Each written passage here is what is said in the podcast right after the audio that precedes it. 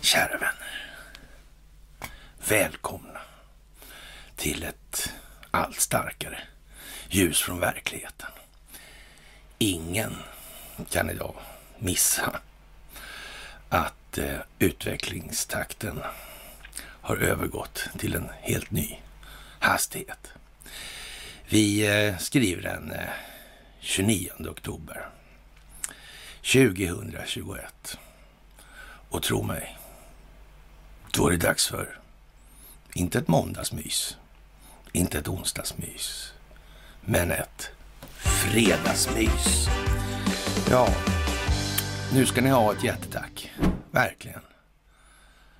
Det här gör ni bra. Det största av tack ska ni ha för att ni hjälper till med det här.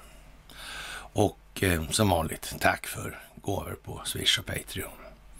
Tack för att ni följer den här kanalen. Tack för att ni fördjupar er på karlnorberg.se och tack för att ni följer Telegramtjänsten. Ja, det börjar bli lite spridning så att säga. Det går fort framåt nu. Det är många saker som man ska hålla reda på. Det är många saker man ska koppla ihop. Och gör man inte det, då får man en mindre vidd på perspektivet. Alltså en snävare bild av helheten. Och då blir den inte lika säker som beslutsunderlag längre. Så är det. Nu gäller det att hålla överblicken och inte stirra sig blind på enskilda företeelser. Och där är det många som fortfarande har en del att lära. Men som sagt, vi ligger långt fram för att vara lite återhållsam i uttrycket. Och eh, amerikanarna har fått bromsa lite nu. De måste tydligen smälta sin del av elefanttuggan lite grann efterhand, eller tuggorna. Och ja, det är väl så här också att några behöver smälta lite grann för att komma vidare. Så måste det vara. Det här måste ta tid. Det är optiken. Det är den bild som människor får som ska kunna koppla ihop, kopplas ihop med tidigare bilder. Och människor ska klara av att sätta ord på vad de ser. Det är viktigt. Och eh, det är många som som sagt tycker om att grotta ner sig i enskilda frågor i det här. Är det inte vax så är det covid själv. Eller så är det någon annan sån här obskyr variant. Alltihop är delar i samma spel. Alltihop är planerat. Det var inte så att den djupa staten inte visste att systemet skulle bli skuldmättat. Så när amerikanerna säger att det är centralbankerna, ja, då är det väl centralbankernas centralbank man främst ska koncentrera sig på. Då är det väl införandet av BIS. Då är det väl de personer som figurerade i samband med det införandet som man ska särskåda. Det verkar rimligt. Och är det så att det visar sig att samma intressen fortfarande finns kvar och är aktiva och dessutom har vuxit till sig något alldeles oerhört i inflytande globalt, ja, då måste man faktiskt börja tänka. Då måste man börja tänka. Och eh, det är många som tycker att det här är tråkigt naturligtvis, men man måste faktiskt anstränga sig lite och en del måste anstränga sig väldigt mycket till och med. Det är så. Vi har alla vår del i det här. Och eh, ja, vi slutade förra gången med att Washington lovade, eller försäkringar, gav försäkring om att, eh, ja, till England då, att om Assange lämnades ut så, ja, så kunde han eh, avtjäna sitt straff i Australien. Men det där är ju någonting som har att göra med Durhams utredning. Det har att göra med Russiagate. Det har att göra med DNC. Det har att göra med Seth Rich. Ja, och eh, för övrigt också med herr och det här med överföringar. Det har att göra med Fusion GPS. Det har att göra med Stildossien. Det har att göra med Perkins Coie och fönstret som öppnades. Det var åtalet mot Sassman. Det var det lilla fönstret som öppnades och in strålar ljuset från verkligheten. Och nu går det undan i USA. Och eh, det går inte att ta det för brett naturligtvis, för då blir det för mycket att hantera. När man har svårt att hantera informationen redan nu, då är det ingen idé att ösa på mycket mer. Utan då måste man dra lite i handbromsen och sen får man så att säga låta befolkningen komma ikapp lite. Det är så det måste gå till. Det är den pedagogiska vinkeln på det här man måste ta. I Sverige har vi ju en hel del att stå i då naturligtvis, det här med internationella adoptioner och Lena Hallengren som sa till då att vi skulle tillsätta en utredning som för första gången inte skulle vara oberoende. Och det är ju ett tecken så gott som något på att någonting har förändrats. Det kommer veckor nu. Det är helt säkert som är, liknar ingenting vi någonsin har upplevt i det här. Och datumen är ju som vi, ja, det är inte särskilt komplicerat egentligen.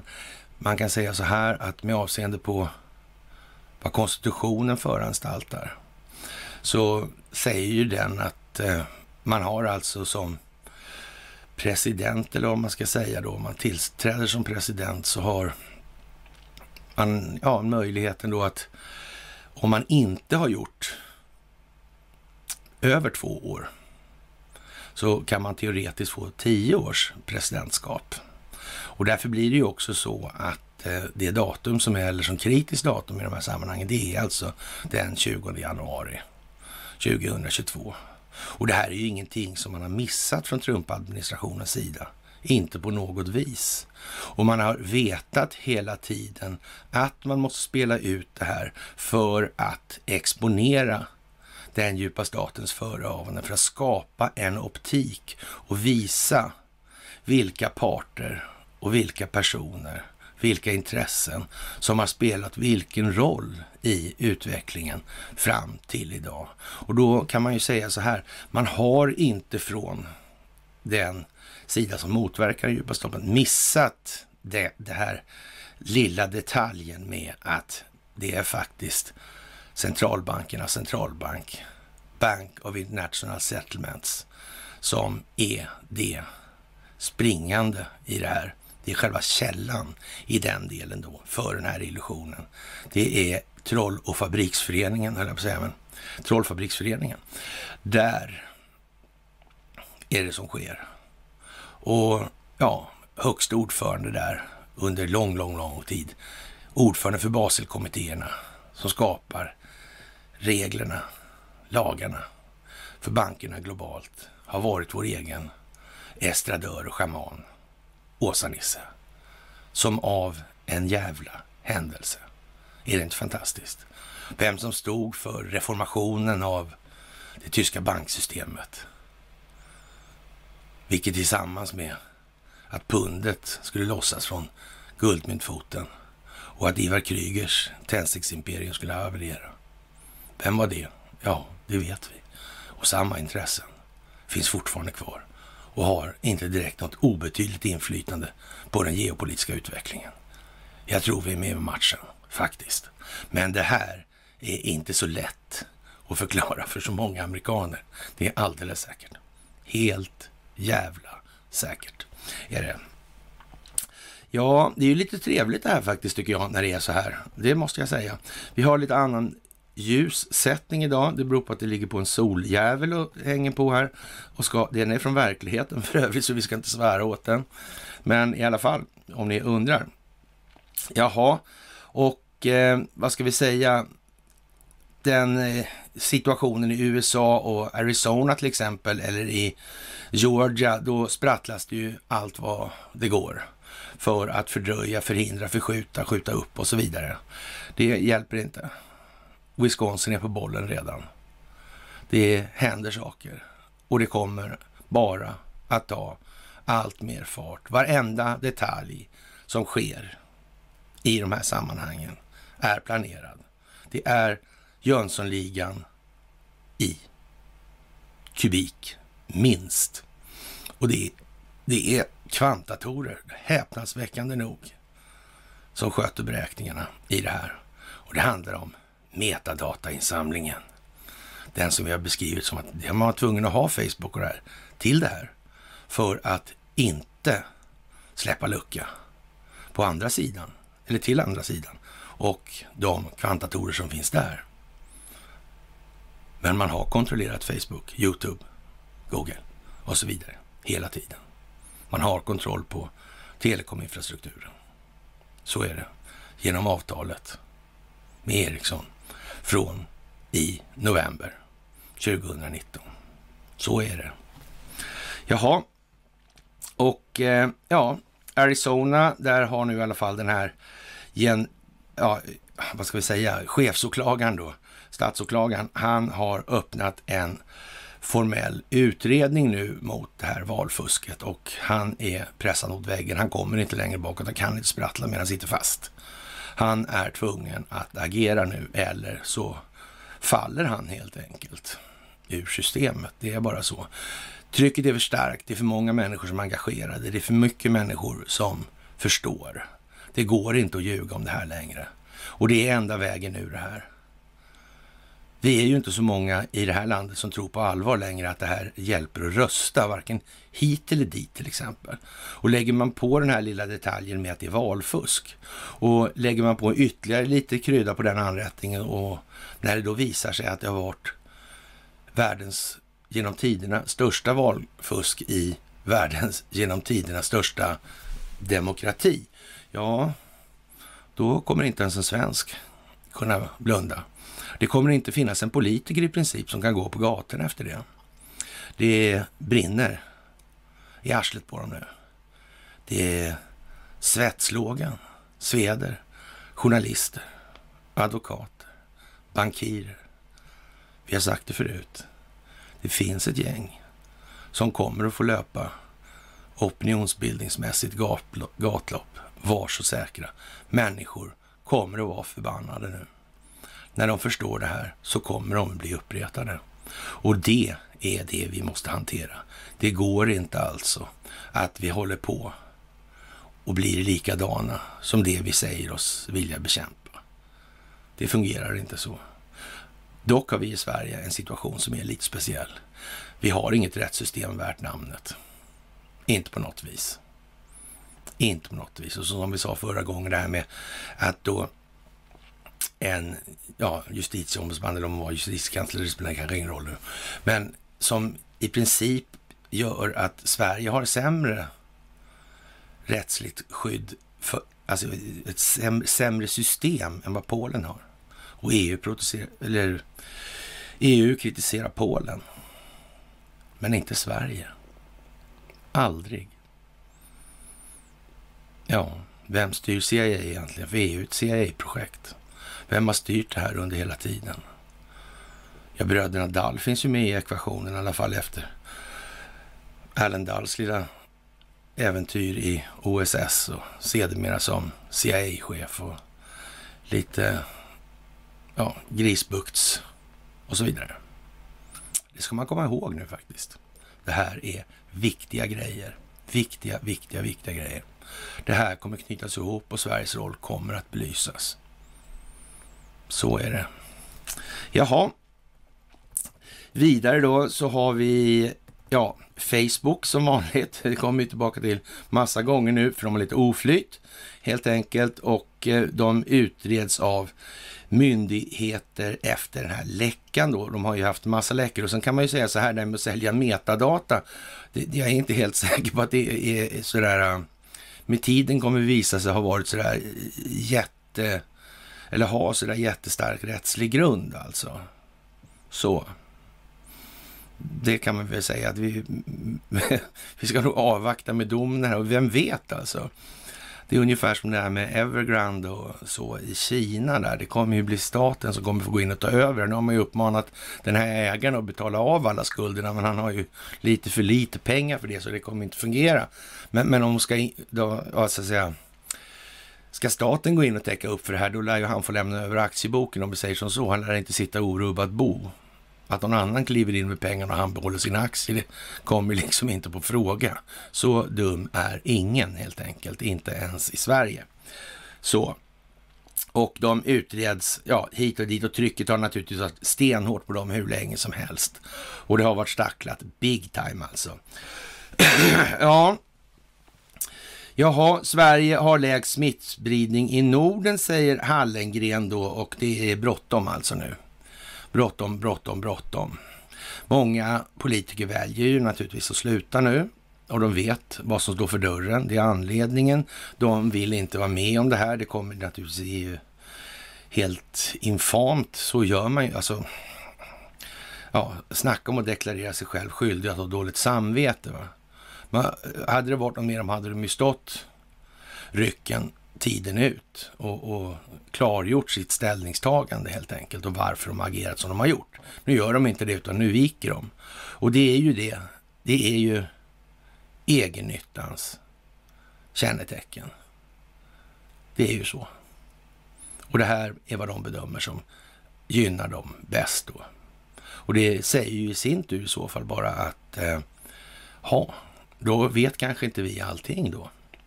Det finns ingen möjlighet att krypa till korset och be om förlåtelse. Det är värre än så alltså. Eller möjligen så att de skulle aldrig förlåta någon annan för någonting. Ja, även om de kom och bad om förlåtelse ärligt och uppriktigt. För alla ska få förlåtelse om de ärligt och uppriktigt söker den. Så är det också. Sen blir det naturligtvis konsekvenser av de här handlingarna i alla fall. Det måste det bli. Så är det. Och det handlar om våra egna känslogrundande värderingar. Vi måste släppa dem allihopa. Det går inte att hålla fast vid dem och tro att man ska utvecklas som människa. Då kommer bara följdfrågan så här. Ja, och vilka känslogrundande värderingar är det då som inte kan ifrågasättas? Alla måste alltid kunna ifrågasättas. Det är bara så. Och det måste vi acceptera även inför oss själva. Det är inte svårt. Det är lätt. Inte att göra det kanske, men det är lätt att förstå hur det här sitter ihop och varför vi måste bete oss som vi ska bete oss. Jaha, Vidare igen då, oljearbetare ut i protest, miljonmarsch planeras minsann och eh, läkare och ja, anställda vid ett statligt oljeföretag ansluter till massprotesterna mot kuppmakarna i Sudan. Och det här är naturligtvis ett gammalt fint ställe, det här Sudan, när det gäller oljebusiness. Inte minst då i den här tiden när då Lundin tänker sig en riktigt fläskig utdelning sådär. Och det kan man ju säga kanske var lite, det var lite otaktiskt, eller ostrategiskt i tiden nästan. Va? Ja, frågan, frågan är ju liksom, eh, vem är genit bakom eh, den strategiska planläggningsritningen? Vem har tänkt ut det här liksom? Ja, ja. Vi har gett ett löfte om att vi ska inleda en strejk i, vid händelse, i händelse av, det heter det i så fall, inte vid, i händelse av en kupp. Och det kommer vi att hålla, skriver läkare fackföreningen i landet då, och i ett uttalande. De stora protesterna pågår i Khartoum och huvudstaden och i huvudstaden verkar inte ha några planer på att dra sig tillbaka. På lördag planeras en miljonmarsch i staden. Ja, vem som då så att säga håller i den där delen, för jag menar det har ju varit lite rörigt där tidigare, det kanske alla bekanta med. Och vilka intressen som håller på där, det är inte heller några nyheter med Lundinföretag och Carl Bildtare och så vidare. Så det, jag tror att de flesta känner till det där egentligen. Och vem som har, om man ska då så att säga, starta sådana här inbördeskonflikter, då måste, ju, en, måste det ju finnas två lag liksom. Det, det är ju så. Och, och, då måste man ju finansiera det ena laget då sådär. Och, hålla på. Det är ju liksom modellen och det kommer ju möjligtvis krypa fram hur det här har fungerat. Och sen pågår det ju sådana här människorättsutredningar i de här sammanhangen. Och jag skulle vilja säga så här att de här har ju då fastnat i det svenska rättssystemet och lite märkligt och lustigt. Hastigt lustigt, inte så, inte så hastigt alls faktiskt, för det tycks dra ut på tiden och så in i helvete. Och, och det kan ju möjligtvis finnas en, så att säga, en, ja, ett juridiskt syfte med det då i det här. Det är nämligen om, om man hinner dö av ålderdom innan det här, ja, så att säga, går ja, upp i någon rätt värd namnet så, ja, då är det, spelar det ju ingen roll, helt enkelt. Då är den saken slut och utagerad i alla fall. Men det här kan ju tänka sig också ta en jävla fart plötsligt. Om det skulle visa sig att det, är det svenska rättssystemet är inte särskilt tillförlitligt i något som helst sammanhang. Rent av helt otillförlitligt. Faktiskt. Ja, vi vill ha ett civilt styre, säger de här människorna naturligtvis då. Det är nämligen freds och demokratiutvecklings ja, detaljen som är ute på gatorna och skränar då och eldar bilar och har sig så här. Vi kommer inte att tröttna, säger de också. Det är också sån här, det är ett styrketecken liksom. Ja, ja, ja, ja, säger en av demonstranterna till nyhetsbyrån. Afrikanska unionen meddelade på onsdagen att de stänger av Sudan från all verksamhet inom unionen tills det civila styret är tillbaka vid makten. Ja, precis. Det kan man ju tycka var seriöst gjort. Afrikanska unionen är följaktligen någonting sådär kanske egentligen. Ja, men det är nu som det är och det är mycket saker som ska hända och det är mycket parallella förlopp som ska matchas i förhållande till varandras sekvenser. Sådär. USA har emellertid en lösning på många av jordens svåra frågor och problem. De har nu bestämt sig för att utföra sitt första könsneutrala pass. Och den här med genus alltså. Ja, fantastiskt. En fullkomligt nödvändig indelning. Man och kvinna har vi haft med oss från början i paketet så att säga. Det har vi inte kunnat påverka så mycket så här. Men när det börjar bli fler indelningar. det är ingen risk att det handlar om att kunna skapa partisering och polarisering. Gäng mot gäng. Det är det inte. Nej. Ja, man vet ju inte. Det första passet i USAs historia där könet anges som X har utfärdats i Denver, alltså skriver AP då. Och eh, myndigheterna kallar passet för en milstolpe i erkännandet av eh, av de människor som inte identifierar sig som varken man eller kvinna. Och det är ju nästan frågan så här då, att vem är det som ska identifiera sig som man eller kvinna?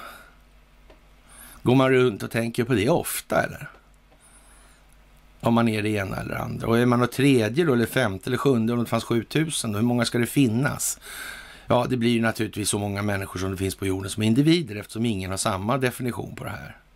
Och då frågan är vad fyller det för funktion då överhuvudtaget att göra så många indelningar?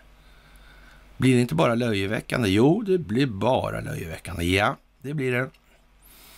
Men ändå så gör man det. Vem är det som kommer på alla de här sakerna egentligen och varför?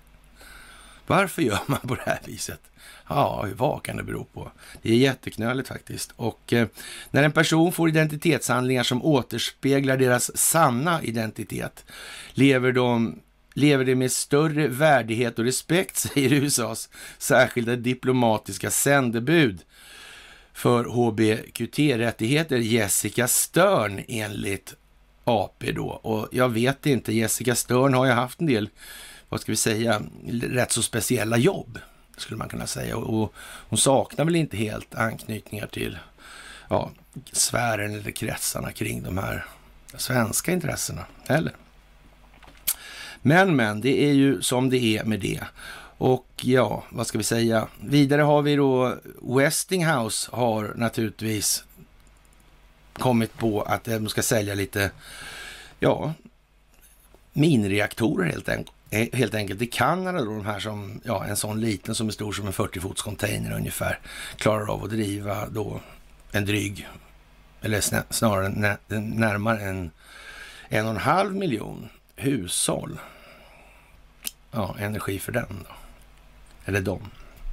Ja, vad ska vi säga? Det är väl lite speciellt kanske. Men som sagt, när det gäller Westinghouse så finns ju de också på Bränslegatan i Västerås, ska man ha klart för sig. Och det kanske är just därför man har det.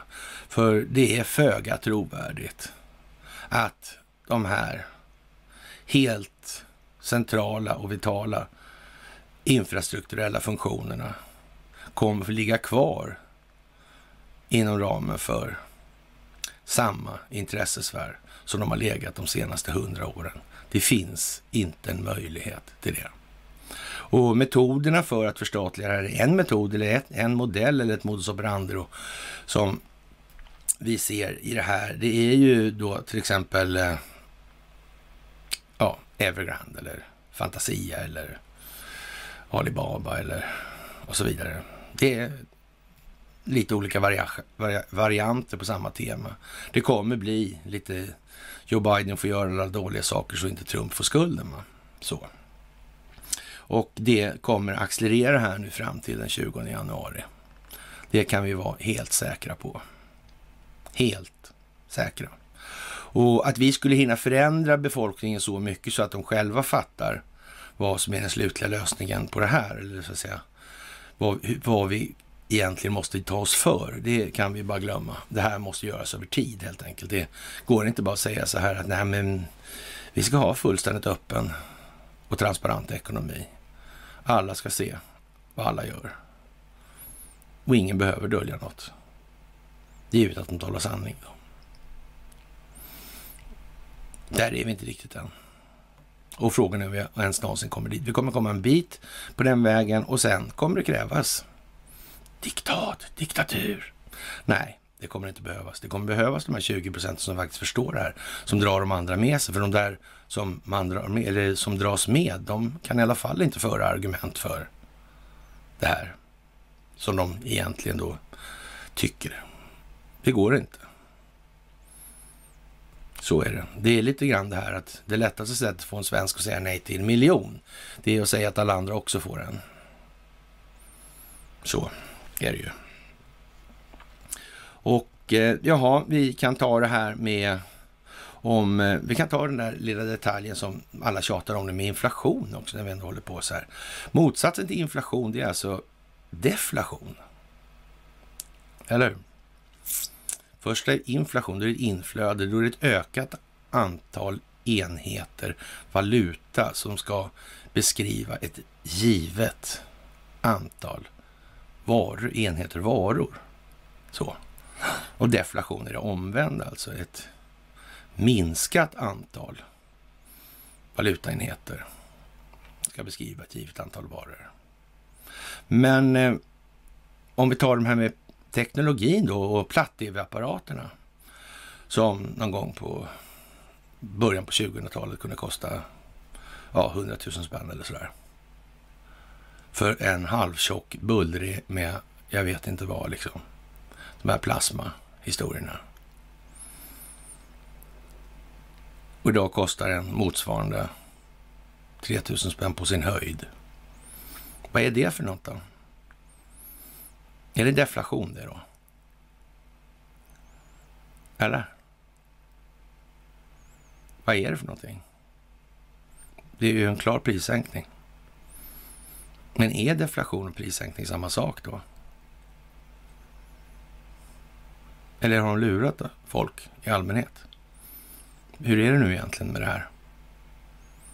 Mm. Ja, precis så. Så är det. Mm. Alibaba-toppen Jack Ma, på tal om Alibaba, har tusentals miljarder skäl och ser bekymrad ut. Och det kan man väl livligt föreställa sig. Han har lite otur. För då, 2950 miljarder upp i rök på ett år. Det är ganska kraftigt. Men vad är det här för pengar egentligen? Vad var det vi pratade om för fem sekunder sedan? Mm. Det är väl aldrig så att det varit någon form av finansiell tillgångsprisinflation i det här sammanhanget, alltså finansiell tillgångsprisinflation. Och att det här har skett genom manipula manipulation av de här marknadssystemen som ligger på Nasdaq.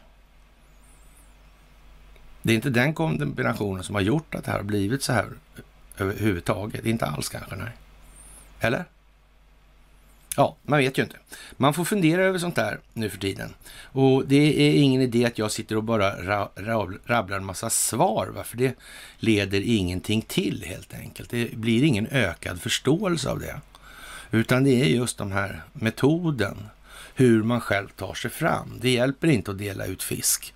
Det gäller att dela ut fiskespön och tala om hur man använder dem helt enkelt. Det är vad som gäller. Jaha, Underliv fattade eld vid operation. Många tänkte osökt att eh, fan har Joe Biden börjat brinna. Va? Men, men, det var lite för kort för det, så det gick inte. Men eh, man ska väl säga, någonstans finns det nog säkert en slump fortfarande. Fast det är ju ingen slump egentligen. Det där med fjärilseffekter och sådär. Det sitter ju ihop. Det är trots allt en ändlig planet. alltså det sitter ihop. Men allt behöver ju inte vara. Inte ens i kvantdatorvärlden. Även om det förefaller vara så att väl så mycket faller inom ramen för den beräkningskapaciteten. Då. Så ja, och det var ju lite komiskt tyckte vi, eller kanske fanns lite slump då ändå, men då, så är det ju inte egentligen. Men det där var, kändes inte riktigt planerat sådär. Jaha, drottningen är ju lite krasslig i England nu för tiden. Det är ju, så får vi ju i alla fall hålla med om att de skriver så. så. Och hur det är egentligen, det må ju vara som det är med det, för det spelar ingen roll, för det här handlar om optiken. Det är bilden som ska förmedlas, det är opinionen som ska bildas och så här, röra sig i en viss given utvecklingsriktning i förhållande till vad den kommande informationen ska vara. Man ska ju nå ett mål i det här. Man ska nå en upplyst och medveten befolkning och så att säga så finns det olika vägar att ta sig till det och det här mer upplyst och det, ja mer just alltså det är utvecklingen som är, för den här resan tar ju inte slut va. Den kommer att fortsätta för alltid helt enkelt. Men eftersom det aldrig har varit målet, avsikten med varken folkbildning, medier eller utbildning eller någonting. Ja, då är det ju som det är helt enkelt. Så prins Charles, han får kliva i där helt enkelt och inviga det här klimatmötet då i drottningens frånvaro. Och det kan man ju kanske ha en massa synpunkter på hit eller dit, men nu är det väl så att de här kungahushistorierna, de är på kraftig avvecklingskurs nu alltså. Det går inget bra alls i de sammanhangen. Inte ett skit bra går det faktiskt.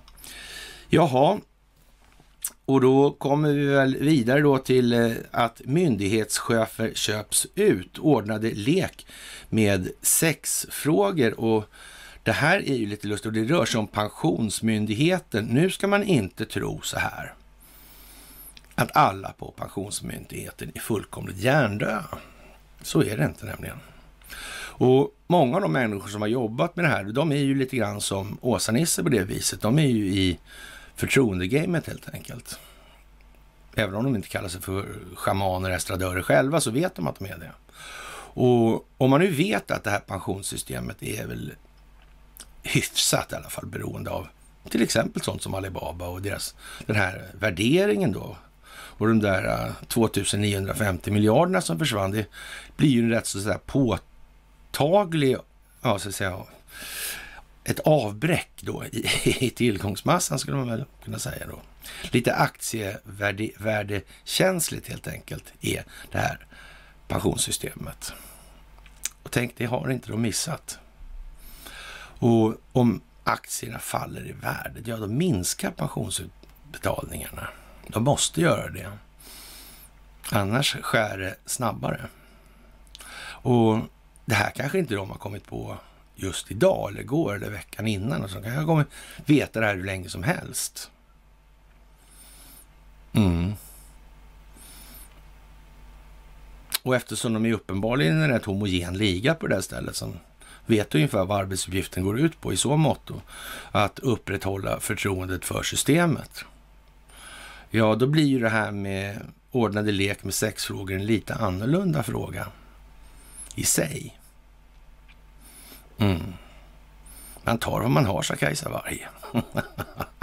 de, ska klå, de ska klå det svenska folket på sista spännen också då, då eller? Man kan ju säga att annars känns det, det känns snudd på lite omdömeslöst, va? Och tro att inte det skulle läcka. Nej. Mm. Vem vet, det kanske är någon som har talat om för dem någonting. Och eh, ja, så. Ljuset från verkligheten kom i alla fall till Pensionsmyndigheten. Ovälkommet. Jaha, alla problem rinner av till Flånboris min sann då. Och det kan man ju säga. Wolfgang Hansson är fantastisk hela tiden. Och ja, i Storbritannien gapar butikshyllorna tomma. Folk får inte tag på bensin och smittspridningen ökar igen. Samtidigt lovar Boris Johnson att allt kommer att bli bra. Och i en analys i Aftonbladet förundras Wolfgang Hansson över att eh, britterna verkar tro på sin premiärminister. Ja, vad ska vi säga? Det är väl det att snarare för Wolfgangs vidkommande så är han inte så jävla förtjust i det här nu. När han inser att Boreas kanske är lite klurigare än vad han klarade av att räkna ut från början. Så kan vi säga. För då hade han nog, hade han förstått det så hade han ju i alla fall inte hållit samma hållning hela tiden som han har gjort nu. Då verkar han, så dum är han inte i alla fall. Men han var för sent på bollen helt enkelt. Jag upphör aldrig att förundras och motvilligt imponeras av Boris Johnson teflonkvaliteter, skriver Wolfgang Hansson. Han tror att det är Johnsons eh, pojkaktiga charm och hans ständigt optimistiska budskap som gör att Johnson inte påverkas av de stora motgångarna. Therese Rafael skriver om Johnsons nästa problem, klimattoppmötet alltså i, börjar väl idag då, eller imorgon. Ja, COP26 i sin analys för Washington Post. Nyligen läckte dokument som visar att Johnsons regering prioriterar ekonomisk tillväxt över klimatet, men hon hoppas att omvärldens press i samband med mötet ska få Johnson mer fokuserad på klimatet. Ja, det är klart att om man, är, om man tänker döpa om sig till Boreas, då kan man väl säga så här att den, han har ju satt sig in i klimatfrågorna betydligt mer än vad många här klimatneurotiker har gjort i alla fall. Det är helt uppenbart faktiskt. Det här med att de här stora vindkraftparkerna där på Doggerlands, ja, eller Doggers bankar då, faktiskt producerar vind.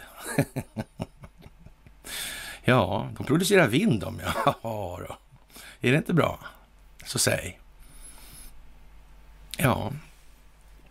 Men, men, det är klart, det här ligger lite ovanför Wolfgang Hanssons möjliga level att uttrycka sig nu. Han måste ju hålla sig på den nivå han har hållit sig också.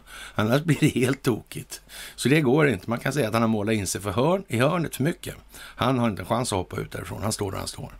Ja, det här har vi naturligtvis advokatyren också i Sverige. Det är fantastiskt faktiskt och eh, det kommer absolut inte till glädje för alla här och då i allmänhet alltså, men i synnerhet inte för de som bedriver den typen av verksamhet. Och så i så att säga kölvatten eller hack i häl på de här grejerna så kommer det naturligtvis komma upp en jävla skock med saker. Och ja, det har vi ju pratat om väldigt mycket och vi ska ta tag i det här nu. Och vi har tagit tag i det för länge sedan naturligtvis. Men, men vi ska säga, börja uttrycka oss mer i termer av det här. Vi, ja, det handlar om grundlagar, det handlar om konstitutionen, det handlar om begreppen i det här. Alltså vad är en konstitution egentligen för någonting? Vad är de här, så att säga, överstående eller vad man säger, övergripande reglerna för någonting egentligen? Vad är, vad är lämpligt? Vad är rimligt? Är det rimligt att ha en monarki inblandad i det här bland grundlagarna? Varför har man det förresten? Varför har då till exempel Socialdemokraterna inte tagit fasta på en av de här eh, grundläggande eh, sakerna eller löftena man har i partimanifestet där? Det här med att göra sig av med monarkin. Varför har man inte kommit längre än så? Vad beror det här på någonting då? För någonting? Är det Eh, ja, vad, gyn, vad gynnas av det här egentligen?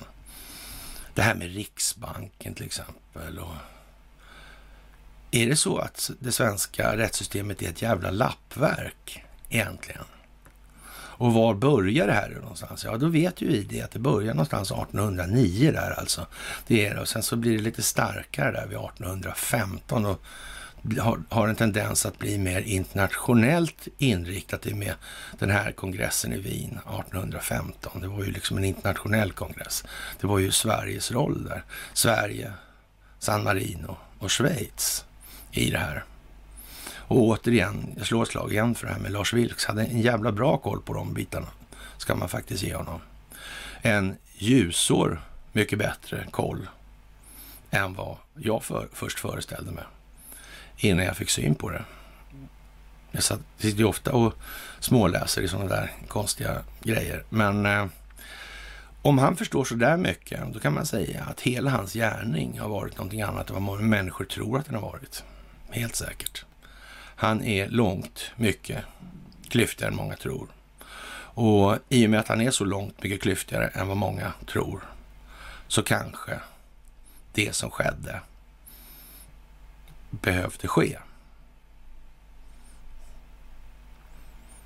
Så kan det vara också. Och det kommer bli rätt många människor med tiden som blir rätt sura på Lars Vilks. Det är också så, faktiskt. Och en och annan av dem är nog en virrpanna, eller två. Så är det nog också, ja. Precis. Ja, det där får man sätta sig in i och titta på lite grann. Hur som helst, advokatyren kommer upp i ljuset av verkligheten och det kommer alltså inte till glädje för alla. Och eh, rättegångar kan ju som sagt i det här landet hur enkelt som helst göras upp bakom ryggen på olika parter i målet. Och det är ju den gängse gången i det här med rådmän och advokater. Det är ju ett litet fint sällskap. Så, vi sitter på, eller rättare sagt så här, Wolfgang Hansson han gnälar lite över det här med pengarna till advokaterna i olika mål då.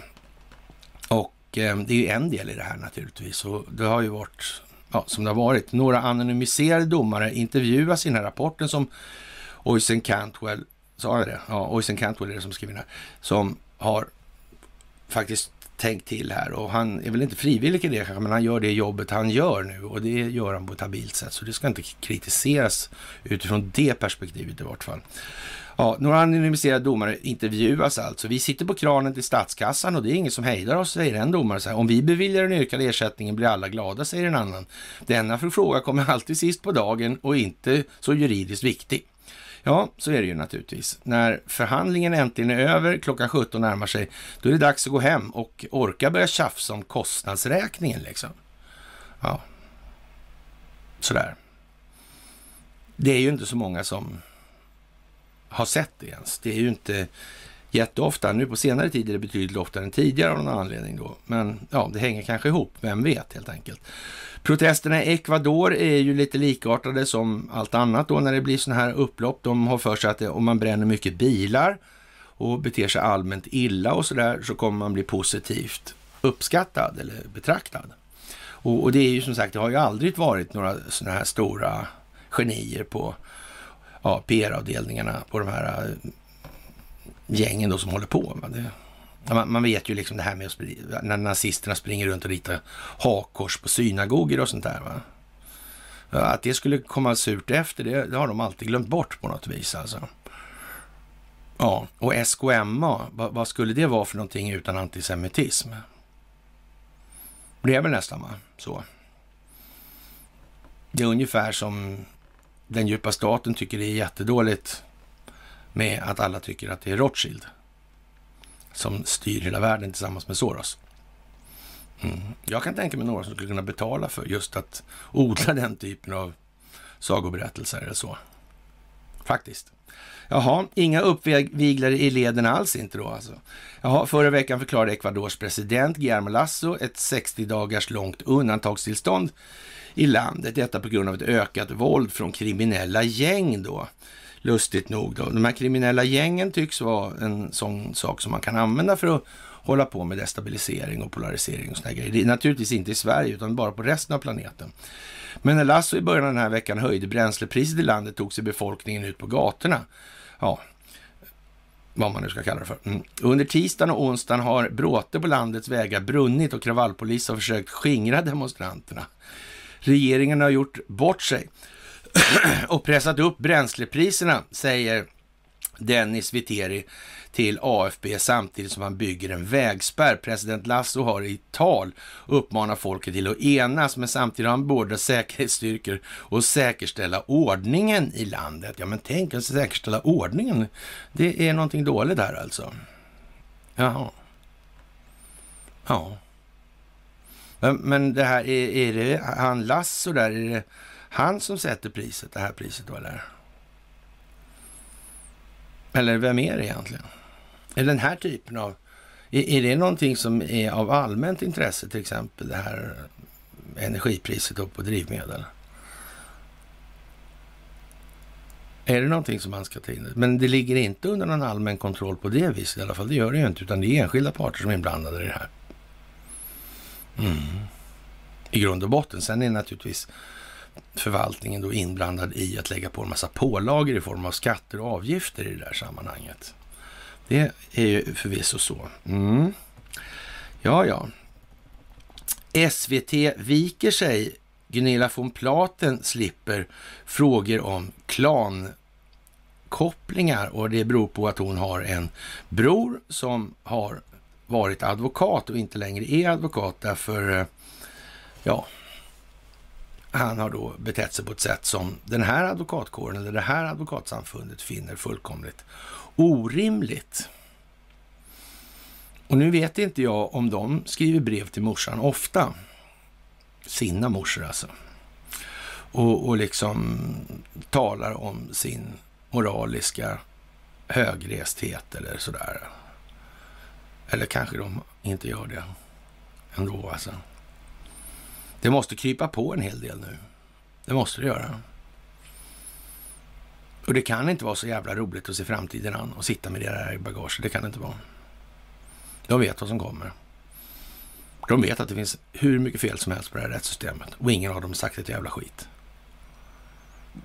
Nej, det är ju konstigt. Hur kan det här sluta tro?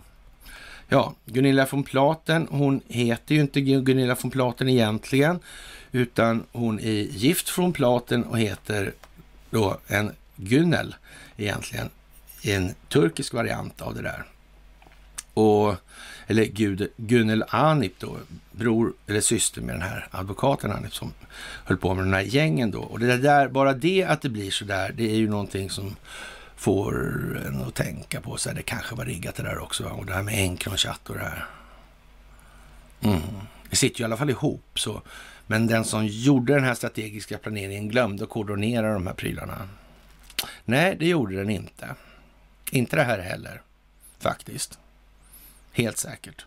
Så det kommer att bli som det ska och det kan inte bli på något annat vis heller. Det är också klart nu i det här läget. Jaha, Jack Posobic, multiple sources, ja, eller många källor då, då konfirmerar att Jill Biden har frågat om det här 25 tillägget för att bli av med Kamala Harris. Och det är ju lite speciellt får man nog säga. Alltså, det är ju lite speciellt, ja. Men det har med 20 januari att göra alltså. Och när då i så fall? Och på vilka grunder i det här? Kan det vara därför som Talse Gabbard är så noga med att inte nämna Kamala Harris nu just igår? Kanske hon vet hur det här ska spelas ut. Inte hålla på och dra upp Kamala Harris i ljuset av verkligheten. Utan låta Joe Biden ta hand om Kamala Harris. Mm. Eller Jill Biden då alltså. Jaha. Det 22 tillägget då i det här är det ju då egentligen. Det var någonting. Ja, det var inte 25. Det är 22 va? Jag tror inte hon gick på... Det är på Sebek säger 25 men det är egentligen 22. Han säger fel. Och det passerades eller godkändes av kongressen 1947 och ratificerades av delstaterna då den 27 februari 51 alltså. Och det 22 tillägget är vad som begränsar alltså en president för de här två eh, mandatperioderna då. Men då kan det ju vara så också att det händer någonting som gör att det måste bli då ytterligare, eller det sitter inte ihop fyra och fyra på det här viset eller så. Men det kan vara så här också att det kan, man behöver kanske ta över någon gång då två år, men det måste vara mindre än exakt två år då som man tar över. Annars får man bara sex år. Om, annars alltså. Så det måste vara mindre än två år. Då kan man ha tio, annars blir det sex.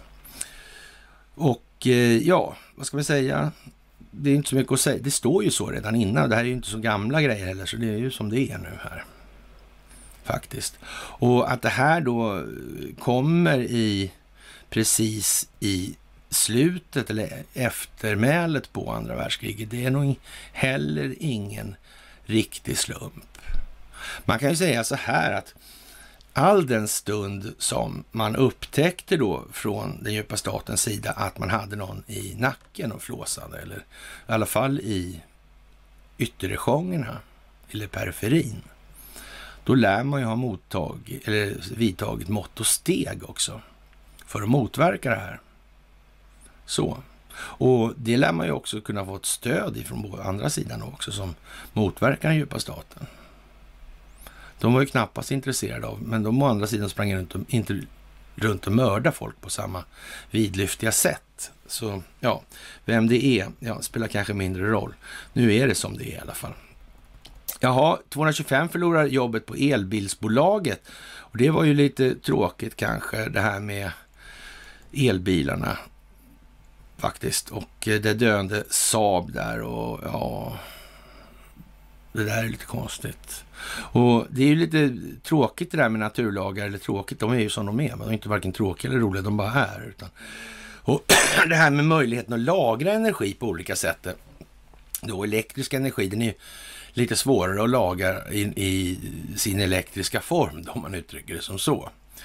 Och, och, ja, mekanisk energi, det är ju som det är med de här prylarna. Alltså. Det får ju oftast lagras i någon annan form av eller andra tillstånd och sådana saker. Hur, hur kan det vara egentligen med de här äh, elbilarna på så vis? En sak i alla fall helt säkert som vi sa förra gången, här med magnetism, det kommer vi att få stifta mycket, mycket större bekantskap med. Så är det. Jaha, 23 000 röster försvann då.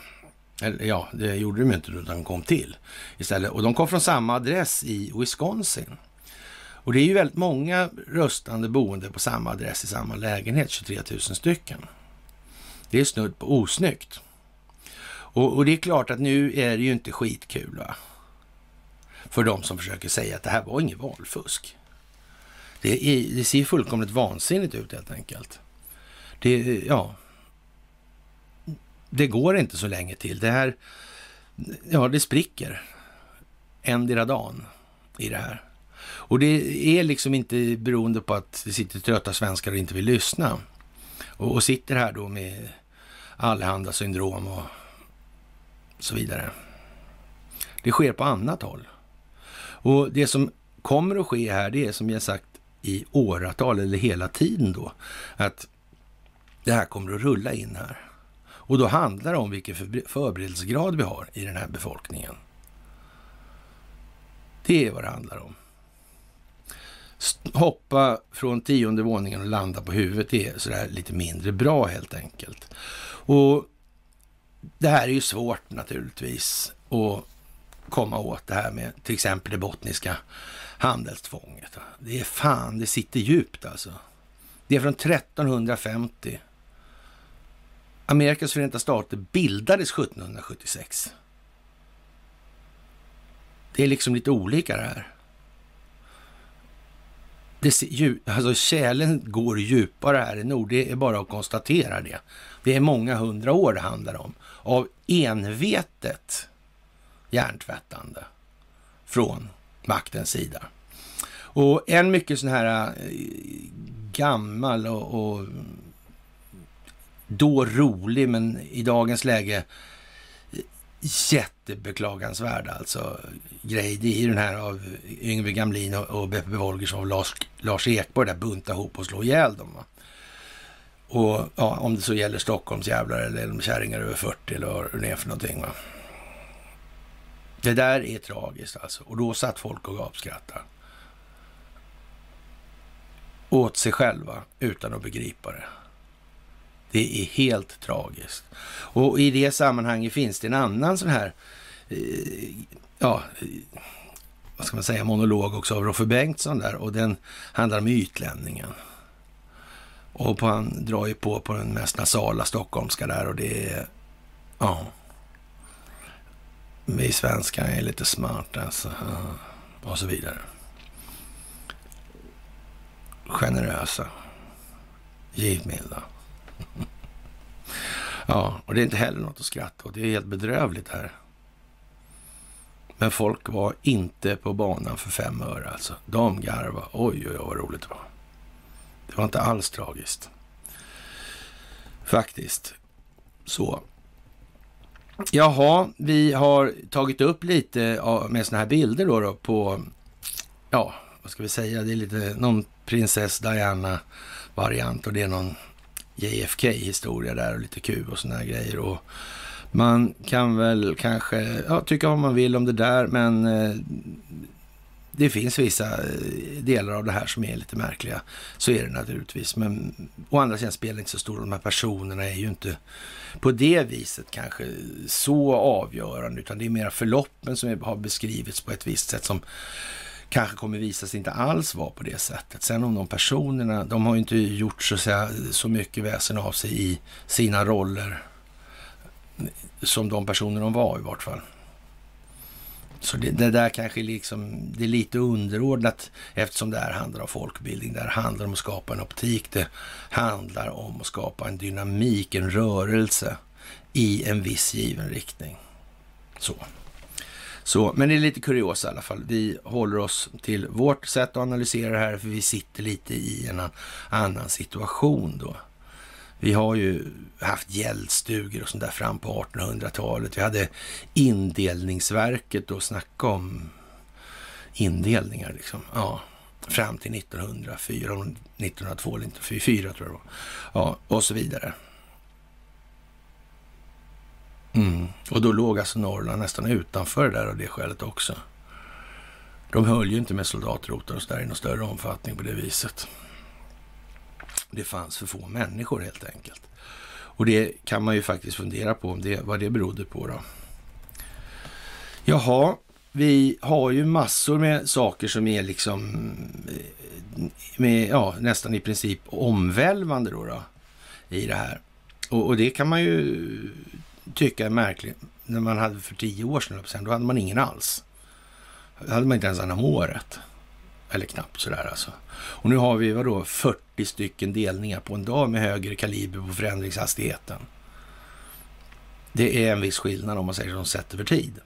Det är en viss utvecklingshastighetsförändring. Sådär, det kan man ju säga. Och nu kommer det ju, eller som jag brukar säga, jag brukar alltid prata om det så här att först går det för långsamt, man tycker det ska gå fortare och fortare och fortare. Och helt plötsligt så går det alldeles för fort. Och det är värsta jobbet att hänga med istället. Så är det. Och då måste man också tänka så här, det är bättre att göra saker ordentligt i det här. Även om så att säga, den vidare, eller vidare överblicken eller det vidare perspektivet är naturligtvis alltid att föredra, men man får inte liksom heller bara titta för lite. Det måste, det måste ju leda någonstans vidare också. Det måste kunna sätta sitt sammanhang, helt enkelt. Man måste hinna tänka igenom den här informationen man får till sig. Det är viktigt som fan helt enkelt. Jaha, och eh, vad ska vi säga? Det sägs i alla fall och huruvida om det är sant eller inte då så är det dags för en sån här Clinton Global Initiative vice ordförande där som är någon form av advokat då. Och eh, ja, han är då efterlyst sägs det då. Men eh, vi får väl se hur det är med den saken här. Och det handlar då om säkerheter i det här. Men en sak är helt säker, att det, är ju ganska rigorösa bestämmelser kring de här olika stiftelsernas, stiftelsernas verksamhet. Det finns ett givaransvar till exempel, annars skulle alla bara tömma sina företag och så skulle man ge då stiftelsen några procent liksom på det här. Och så fick man tillbaka pengarna på en kickback då. Eller skickade någon annanstans till ett skatteparadis och så vidare. Ja, och, där, och så kan man hålla på sådär och tramsa. Men eh, det här måste ju trots allt vara så här, eller är trots allt så här att det här har ju använts då av, inte bara för familjen Clinton, det har ju använts i alla möjliga sammanhang, de här ganska alltså vidlyftiga summorna som har flutit in i Clinton Foundation. Och ja, och de här pengarna måste ju naturligtvis ha eh, rört sig på olika sätt och finansierat olika saker som helt säkert inte är sådär alltigenom hedervärda. Så är det också. Och det här kommer att ta en ände med förskräckelse för väldigt många människor som har varit inblandade i det här. Det är alldeles helt säkert faktiskt. Och det är ju lite tråkigt för Postkodlotteriet om det skulle vara så att den här människan faktiskt har hållit på som det beskrivs då nu i olika medier. Men det återstår väl att se då, då hur det är med det. Vi lär ju bli varse det. Och eh, jaha, det är lite sådär Wisconsin då, de bestämmer sig att beställa den här utredningen och eh, ja, det är pedagogiskt effekt här. Det är lite som La Traviata-leken sådär, den, vilseför, den vilseförda betyder det i det här. Och eh, ja, vad kan det bli av allt det här tro? Kan någon ha tänkt igenom det här? Kan det vara så att de här delstaterna kommer fram till olika saker i precis just i ett tillfälle där det passar in med någonting annat som händer så här parallellt och samtidigt. Så sen kommer någonting tredje, tredje perspektiv också då på något vis. Och, och sen vem vet om de här kanske kommer samverka de här förloppen som har förevarit då de, ur de här olika perspektiven. Kan man tänka så? Kan en dator tänka så överhuvudtaget? En dator som har tillgång till preferenskartor och samlat in metadata på hela befolkningen hur länge som helst. Mm. Det kan man ju säga. Man kan ju till och med säga så här. Den som har en mycket snabbare dator kan ju utan vidare bara stjäla allting som de andra kvantdatorerna har tillgång till. Ja, vad ska de säga? Ska de klaga? Vad ska de klaga hos för myndigheter? myndighet då? De får ju inte ha till den här informationen ens. Är det läge att springa och gnöla över det då? Det tror jag knappast. Nej, skulle Facebook klaga till exempel? Som numera ska hitta meta, inte metadata utan meta bara. När de ägnar sig åt att sälja metadata till höger och vänster. Eller sälja och sälja. Vem startade Facebook? Ja, det var ju inte Mark Zuckerberg. Så kan vi vara överens om. Alltså. Jaha, vi är på väg till ett mycket, in i ett mycket spännande och hektiskt sista kvartal, säger man från Evolution Gamings sida. Och det kan man ju bara hålla med om. Vinstlyftet för, ja, så att säga, Evolution var i linje med förväntningarna. Och det, vem vet, det här med spel eller online-spel och sådär, det, det är nog någonting som går en annorlunda framtid till mötes än vad det har varit, ja. Så. Det kan nog bli historiskt rent utav, skulle man kunna säga. Utan att vara överdrivande i någon större omfattning. Jaha, ansvariga på, på väg bort när kommissionens dom faller. Det gäller alltså idag så presenterar Coronakommissionen nya slutsatser i det här då. Och det är så här, idag, fredag, presenterar Coronakommissionen nya slutsatser i sin utvärdering av Sveriges åtgärder. Samtidigt som flera av de ansvariga, Stefan Löfven, Johan Carlsson och Anders Tegnell, är på väg bort, skriver SvD då. Och statsvetaren Tommy Möller säger till tidningen att det är svårt att säga hur kommissionens slutsatser kommer att påverka Socialdemokraterna. Var regeringen senfärdig? Fattar man felaktiga beslut? Kan man visa det på ett tydligt sätt? Kan det då kan det bli svårt för dem inför valet? Och det finns en annan professor nu som har kommit med en utredning också och det kan man väl säga så här, den var väl knappast så där jävla smickrande för då den svenska statsförvaltningens vidkommande. Det vore väl synd att påstå. Det var inte så mycket beröm i den helt enkelt. Noga räknat inget alls. Det var rena jävla katastrofen om man måste säga. Det var, beskrevs närmast som då statsmaktens avlivningsförsök på befolkningen. Vilket då kanske inte är riktigt så dramatiskt, och vi kanske inte hålla det här. Men eh, det är klart att det finns tvivelaktigheter, så är det ju. Mm. Det är klart att det finns.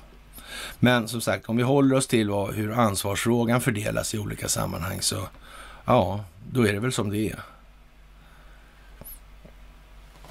Det måste ju hur som helst beläggas först i alla fall på någon strikt vetenskaplig grund. Och det kan vi bara göra rättsligt i det här fallet och vilka effekter som är på det. Det har inte varit någon rättslig prövning av det här överhuvudtaget. Det är ju rena spekulationer vad egentligen de virologiska aspekterna är på det här. Det, är liksom ingen, det finns ingen fast naturvetenskap i botten på det alltså. Däremot finns det rätt mycket opinionsbildning, vilket fördunklar bilden för rätt många i olika sammanhang. Ja, den här gamla fina Mark Milley då. Kinas test av hypersonisk robot är väldigt oroande, säger USAs försvarschef Mark Milley till Bloomberg. Testet rapporterades i oktober av Financial Times med hänvisning till källor, men förnekades senare av Kina som uppgav att det rörde sig om en rymdfarkost. Milley är dock övertygad om att det rörde sig om en hypersonisk robot och liknande vid när Sovjetunionen skickade upp satelliten Sputnik, vilket triggade rymdkapplöpningen under det kalla kriget. Jag vet inte om det är riktigt på samma nivå, men jag tycker att det är väldigt nära det. Det har all vår uppmärksamhet, säger han. Och vad säger han egentligen här? Vad säger han egentligen här? Det kan ju betyda flera saker här. Hur var det med den här rymdkapplöpningen egentligen? Mm. Ja, Stalin var ju död i alla fall. Det var han ju. Ja. Och Rosenberg hade ju smugglat över atombomben till dem. Så de hade fått kärnvapen.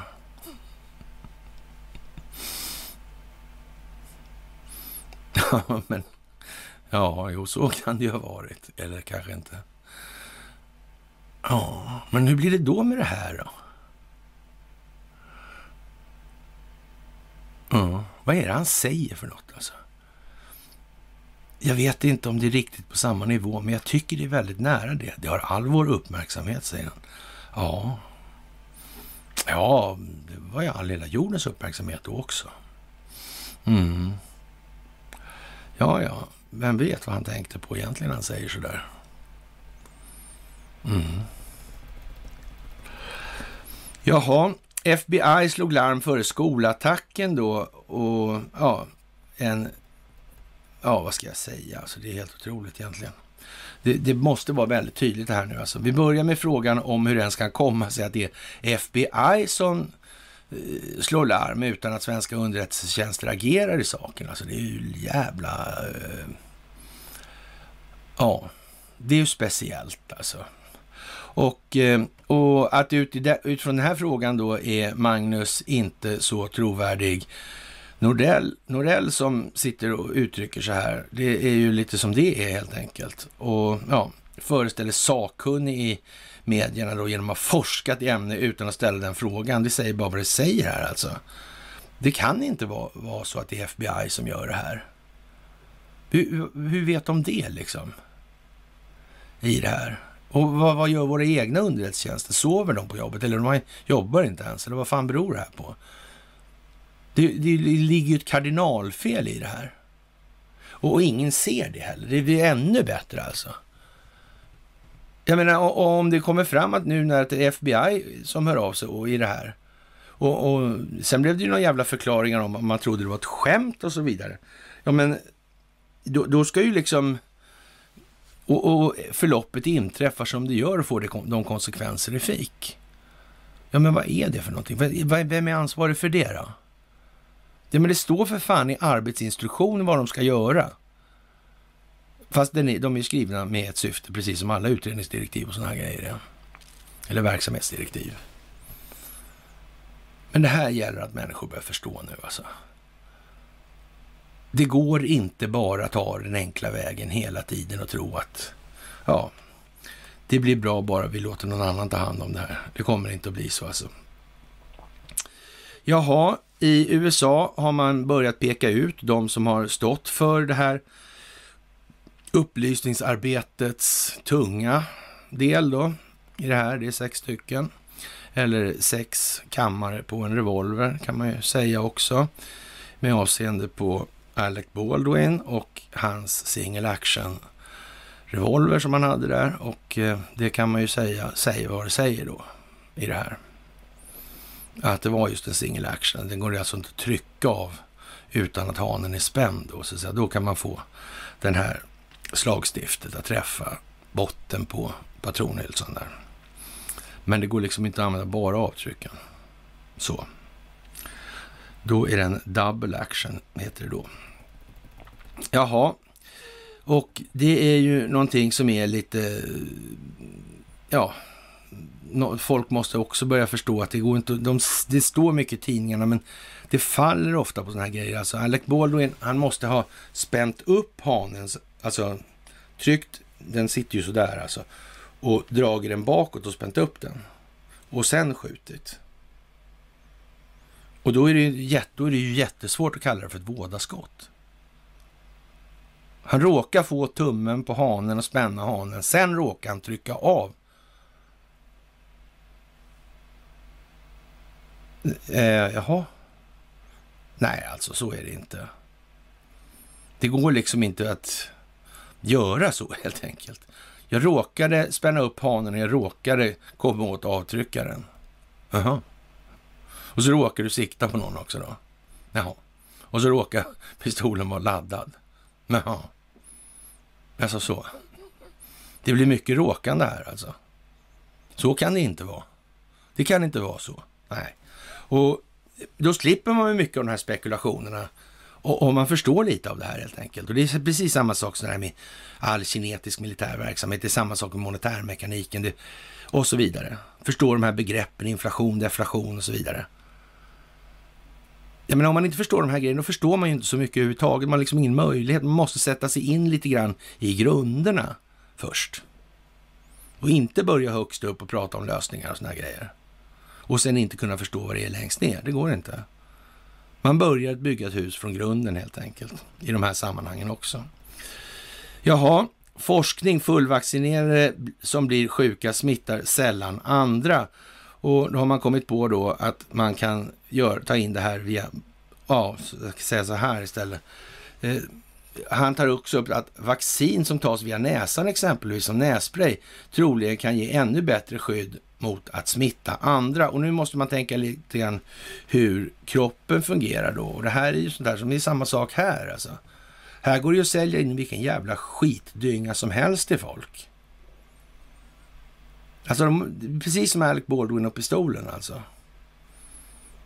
Fattar man inte hur det, att det, det går inte att trycka av med single action, då kan man ju hålla på och eh, gaffla sig blå. De, folk fattar ju inte det omöjliga i det där som beskrivs, eller som Alec Baldwin påstår har skett då.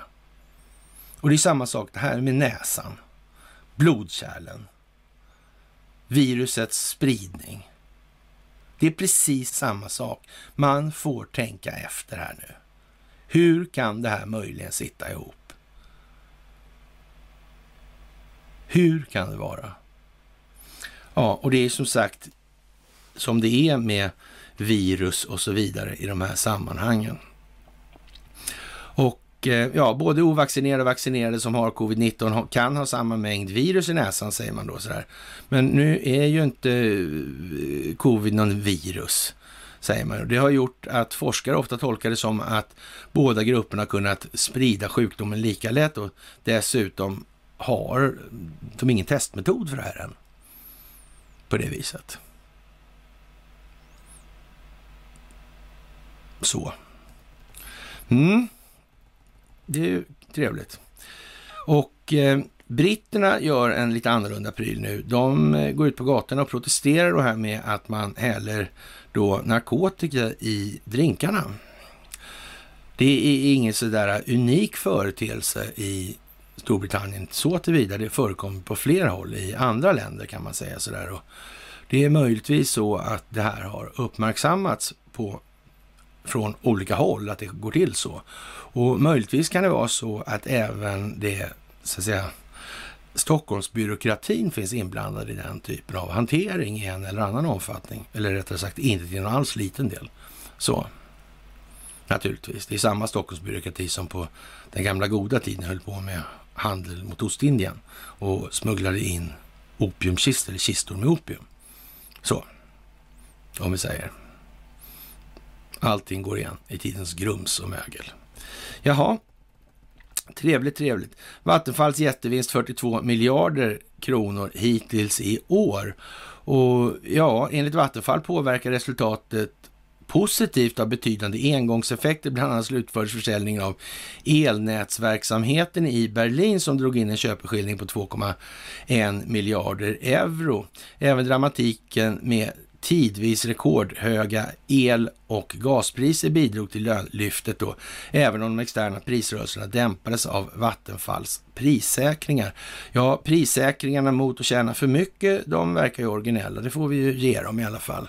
Så bara direkt sådär. Och, och frågan var väl då om de sålde det här el. Det var väl gratis att finnas på det. Det var inga sådana här ja, överföringsavgifter och sådär som man hålls med här i Sverige. Det fanns inga sådana där och, och det var inga stora pengar i det heller.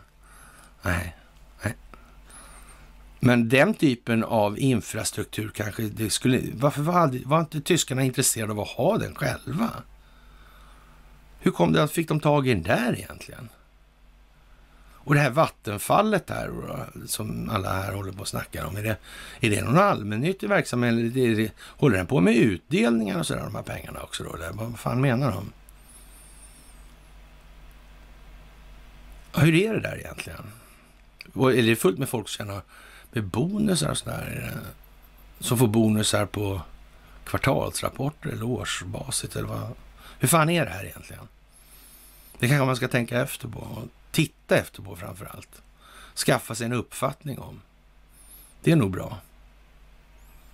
Det finns lite olika perspektiv som man oftast inte har tänkt på. I rätt många frågor faktiskt. Jaha, Stora Enso oslagbart i toppen. Nio år före tidsplanen. Ja, ena dagen är det det ena och andra dagen är det det andra. En slankan hit och en slankan dit och en slankan ner i diket. Och det är väl lite märkligt kanske att man ena dagen är utsatt då för typ gryningsräder och razzior och sådana här i konkurrenssammanhang och om kartellbildningar. Va? Och, och sen kommer man då, ja, in i det här då. Då kan man ju säga, vem fan, ja, vem är det som bestämmer i det där stora Enso-bolaget till exempel? Och det var ju uppenbart tidigare, att det, eller det framgick i alla fall i veckan tidigare, att, då att det var någon form av eh, finsk statsförvaltningsdel i alla fall. Och, och sen var det Wallenberg då. Det, stod ju öppet i Dagens Industri. Och eh, det där kanske är någonting, sån där speciell grej det här, skulle man väl kunna säga. De har nämligen gjort så här att i Dagens Industri, då verkar det vara så att det finns någon sån här liten, liten grupp med företag då, en slags eh, klimatbaserad materialsektor. Det liksom nästan ser ut som en kartell och där ingår ett antal bolag. Och det där är lite konstigt faktiskt. Och eh, jag tycker att ni ska ta och sätta er in i den frågan. För det verkar precis som att nu är det någon som är ute efter någonting och vill säga någonting, bilda en optik, skapa opinion i en viss given utvecklingsriktning. Det verkar som man vill åt Investor kort sagt och familjen Wallenberg. Eller i vart fall göra befolkningen medveten om vad som har förevarit och varför det ser ut som det gör ur ett utvecklingsperspektiv. Det kan vi i alla fall hålla för helt säkert. Jaha, ovaccinerade i riksdagen uppmanas att ha andningsskydd. Och eh, de skadar ju inte det jättebra och naturligtvis kommer jättemånga protestera i riksdagen mot det här och tycka att det kränker alla möjliga typer av mänskliga rättigheter. Eller också kommer ju inte göra det då. Det får vi ju se, eller det var lite retoriskt sagt sådär. Jaha, hackare har stulit en miljard från kryptovalutaplattform. Ja, det är ju jättehemligt det där med krypto. Det går inte ens att spåra dem. Nej, så är det ju. Och som sagt, det här med vad värde är och så vidare. Det kommer att bli en rätt så stor fråga vad det lider nu. Och beroende av telekominfrastruktur är ju vad det är då. Hackare kommer över motsvarande 1,1 miljarder kronor i kryptovalutatillgångar efter ett intrång hos bolaget Cream Finance vars plattform medger att användare lånar och spekulerar i värde på kryptovaluta. Ja, så det är väl... Eh, och de här roliga namnen i de här sammanhangen. De har inget opinionsbildningssyfte alls. Nej. Det är ju som det är. Och eh, som sagt, många vill ha enkla, raka, korta uttryck bara. Inte tänka själva. Det är inte så bra nu, om vi säger som så. Det går inte att ha ett gäng fågelungar som sitter och gapar bara. De måste kunna fiska själva. Helt enkelt så är det så. Jaha. Grön energi har liten del i världens postpandemiplan. Och ja, vad ska vi säga? Det ser väl nästan ut som klimat, det skriver man i Omni då och eh, ja, ländernas återhämtningsplaner, de ger inte mycket utrymme för det här med grön energi. Det är bara i Sverige som det hålls på på det här viset. Det finns naturligtvis sådana här klimatneurotiker, det finns i alla länder såklart, men eh, ja, det håller på att gå på arslet det här så det räcker. Och ja, får, Sverige får väl sätta upp priset till, på dieseln till 1000 spänn litern då och så vidare. Får vi se om det hjälper helt enkelt. Det är väl så. Jaha, och när det gäller de här gröna passen då, diskrimineringspassen då, och då, jag vet inte vad man ska säga. Adolf Hitler har tydligen fått ett sånt där pass och det verkar ju lite konstigt och lite halvvärt att reflektera över. Och då kan ni med fördel följa de här kommentarerna under de här olika delningarna. Det brukar bli rätt bra då faktiskt. Och några är ju väldigt duktiga nu på att, så att säga, leda vidare tankarna. Det är ju viktigt. Så. Och sen hoppar det naturligtvis in en och annan så att säga, liksom, lite mera nybörjaraktig i, i de sammanhangen. Men då får man ja, ha överseende med det helt enkelt och vänligt men bestämt förklara liksom, att det är nog mer trovärdigt så här. Det, finns en möjlighet att det finns andra sätt att se på saker i alla fall. Så. Och det är där vi står. Vi står i det här i det här folkbildningsprojektet med vår pedagogiska frågeställning som ska appliceras på omgivningen hela tiden. Och det här rör sig i en dynamik. Och då gäller det så att, säga, att ha ett anpassat ledarskap i det. För att lösa den här uppgiften, för att få en ökad form av medvetet medvetande hos allmänheten helt enkelt. Astronaut om klimatkris har aldrig sett något liknande, påstår då en astronaut som är, verkar vara väldigt medialt orienterad och det kan man väl säga är kanske lite sådär med avseende på vad den amerikanska generalen sa om Sputnik och rymdkapplöpningen och så vidare, vad som hände där och ja, det hänger nog ihop, ja. Så kan vi säga. Det är helt säkert att det hänger ihop faktiskt. Mm. Det är, ja, det är lite underhållande med de här förhören som sker hela tiden i USA. Och ja, jag vet inte, det kanske... En del är ju spel för galleriet så att säga för att få stilla blodtörsten hos människor också. Det är skönt att se Teddy Cruz skälla ut den här liran då. då. Så det är ju så, som ändå är jurist själv då. Och eh, det går sämre för kartellerna när då vaklar för Nvidia. EU granskar uppköpet då och eh, de här kartellerna är ju, det är ju liksom ryggraden i det här och det tillverkades någonting efter andra världskriget då för det här, just motverka IG Farmer då som heter antitrustlagarna och det infördes av den här jävla stollen Truman då. Och det blev ju som det blev, alltså, kan man säga. Det blev ju inte så bra, kan man säga, med hänsyn taget till var vi befinner oss idag. Va? Det, fyll, det tycks aldrig ha varit menat att fylla sin roll då i förhållande till det syfte man av, uppgick i vart fall. Eller uppgav. Så kan man väl säga. Mm.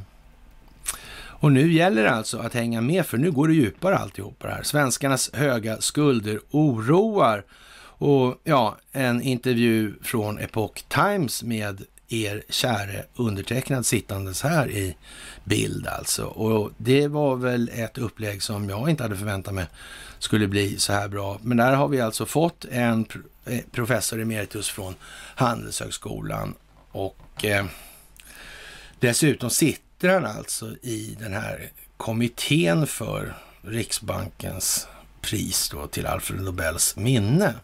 Så det går liksom inte finare i det här landet. Så har vi dessutom en ledande figur inom Finansinspektionen då också, så som då bjäfsar emot det jag påstår i de här sammanhangen. Och det kan man väl, ja, som sagt, antingen har väl jag fel eller också har de fel. Det är ju vad som kommer visa sig där. Då är det så att säga, Eh, en av parterna kommer ju sitta rätt pyngligt till då rent trovärdighetsmässigt. Så kan man ju säga. Och jag kan väl för mitt del säga att jag begriper inte bättre än det jag säger. Så Jag begriper massa andra saker och mer också. Men, eh, än vad jag bara säger med ord sådär. Det gör jag naturligtvis. Men det, det känns ju som att när de säger att det där med skuldmättad är ett luddigt begrepp och, och, och, och, och så vidare. De håller sig med, alltså, ja vi får väl tacka helt enkelt. Vi tackar journalisten i fråga för den här insatsen. Det var väldigt bra gjort faktiskt.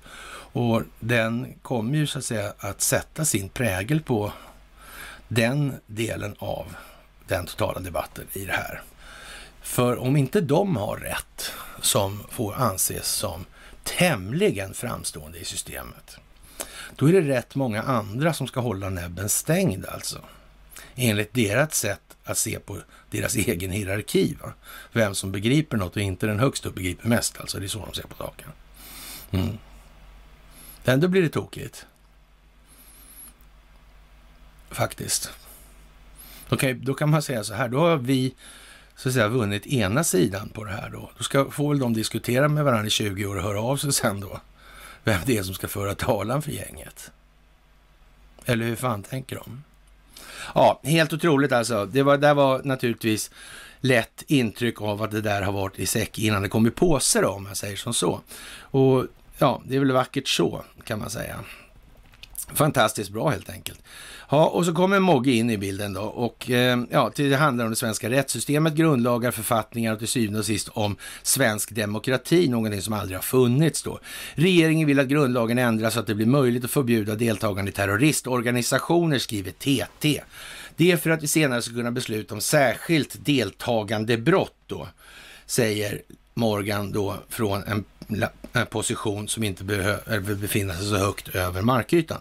Och eh, ja, föreningsfriheten i regeringsformen har tidigare satt hinder för det och, att grundlagen ska ändras krävs två beslut i riksdagen. Och som sagt, vi ska ta upp det här och det finns en del skrivet också redan. Det har ju funnits eh, professorer då som kanske är döda nu för tiden, men som har tyckt då liksom att det här är ett jävla märkligt rättssystem, precis som den här justitiekanslern tyckte då att det var rätt så märkligt att vi har ett sämre system än Polen, va? Helt enkelt. Och här kan man dra igenom lagarna hur som helst på ett par veckor. Det var inga problem. Och det här är någonting som ni måste faktiskt lägga lite energi på. Och vi, ja, vi kommer att portionera ut som vi tycker lagom delar i förhållande till vad de här jävla dårarna håller på med nu. Så, för att få lite stil på det här. Och det är ju liksom inte så många som sätter sig in i det. Det handlar jättemycket om språk alltså. Det handlar om ordens värdeladdning i det här signalvärdet hela tiden.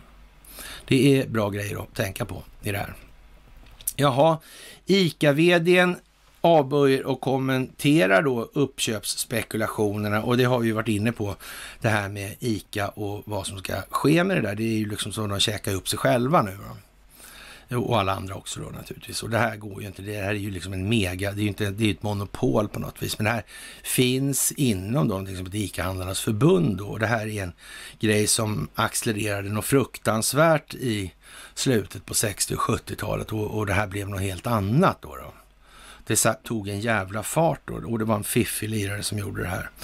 Och eh, ja, vi har nämnt det i någon kommentar där. Och ja, som sagt, det är som det är. Och då ska man inte tänka på sån här jävla trams som att han hade, var eh, tionde graden frimur och det hade inte ett skit med någonting att göra i det här kan jag tala om. Och, och, och så vidare och så vidare och så vidare. Alltså det, det där frimicklandet, det, så att säga, det gick ur tiden någonstans när industrialiseringen kom in i bilden.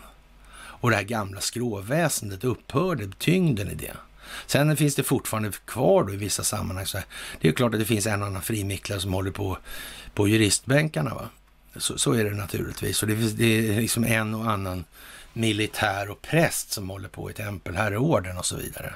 Det, det, är också så, men där kan man ju säga, så det, det är ju liksom inte de salta grabbarna alltså. Det är ju inte det. Vilket i och för sig också är nackdel i den meningen att det är oftast de som inte är så benägna heller att ja, behandla, med tiden behandla folk schysst då så att säga. Utan det är ju de som har varit lite sådär undanknuffade och, och vill ge igen på omgivningen. De kan ju gärna ta revansch den vägen. Så kan det också vara. Och är lätta att fånga hållagsbusiness och sådär. Men då är ju liksom så ja, ofta kan man ju säga då att då är det tvärtom istället. Att det är liksom inte frimicklarna som är problemet. Det är deltagarna som är problemet. Och de är lätta att fånga med hållagsbusiness. Och man kan använda dem, det här frimicklandet som någon jävla eh, fångstredskap då. Sådana. Det är tvärtom liksom. Och, och ja, det är verktyg alltså. Så. Åt andra hållet i förhållande till vad människor i allmänhet förstår. Och då, jag, jag kan säga, jag känner flera stycken, som, nu är det några, många döda också, som, som har just liksom, rätt, har varit rätt så högt upp i de här strukturerna. Och det är ju liksom, de inte... Det, ja, nej, helt enkelt. De dricker inte så mycket barnblod som folk, många vill tro alltså. Ja, och vem är det som kan tänka sig att odla den typen av myter? Ja, det är väl ungefär samma intressen som är intresserade av rock eller Rothschild styr, tillsammans med Soros styr världen. Men det, ja visst. Hur som helst, dagligvarubolaget ICA avböjer att kommentera de här spekulationerna och marknadsskvallret om att bolaget skulle vara ett attraktivt mål för ett uppköp eller en sammanslagning som tidigare dök upp i medierna. Vi har sett ryktena men vi kommenterar aldrig på rykten, säger ICAs vd Per Strömberg vid torsdagens presskonferens. Och ja, jag vet inte. Det kommer att eh, bli påverkan för ICA. Det är ju liksom inget snack. Det kan inte se ut på det här viset. Och ja, de vill ju ha sitt kvar och samhället i övrigt är inte bekänt av den typen av struktur som kan prissätta och behandla marknaden på det viset som är. Faktiskt. Och eh, ja, som sagt, det var väl pådrag på Axfood där och det måste det väl vara för balansens skull i det här spelet. Europeiska parlamentet kommer att eh, kräva att man har covidpass om man ska komma in i salen där då, då, och det är ju perfekt så här i tiden.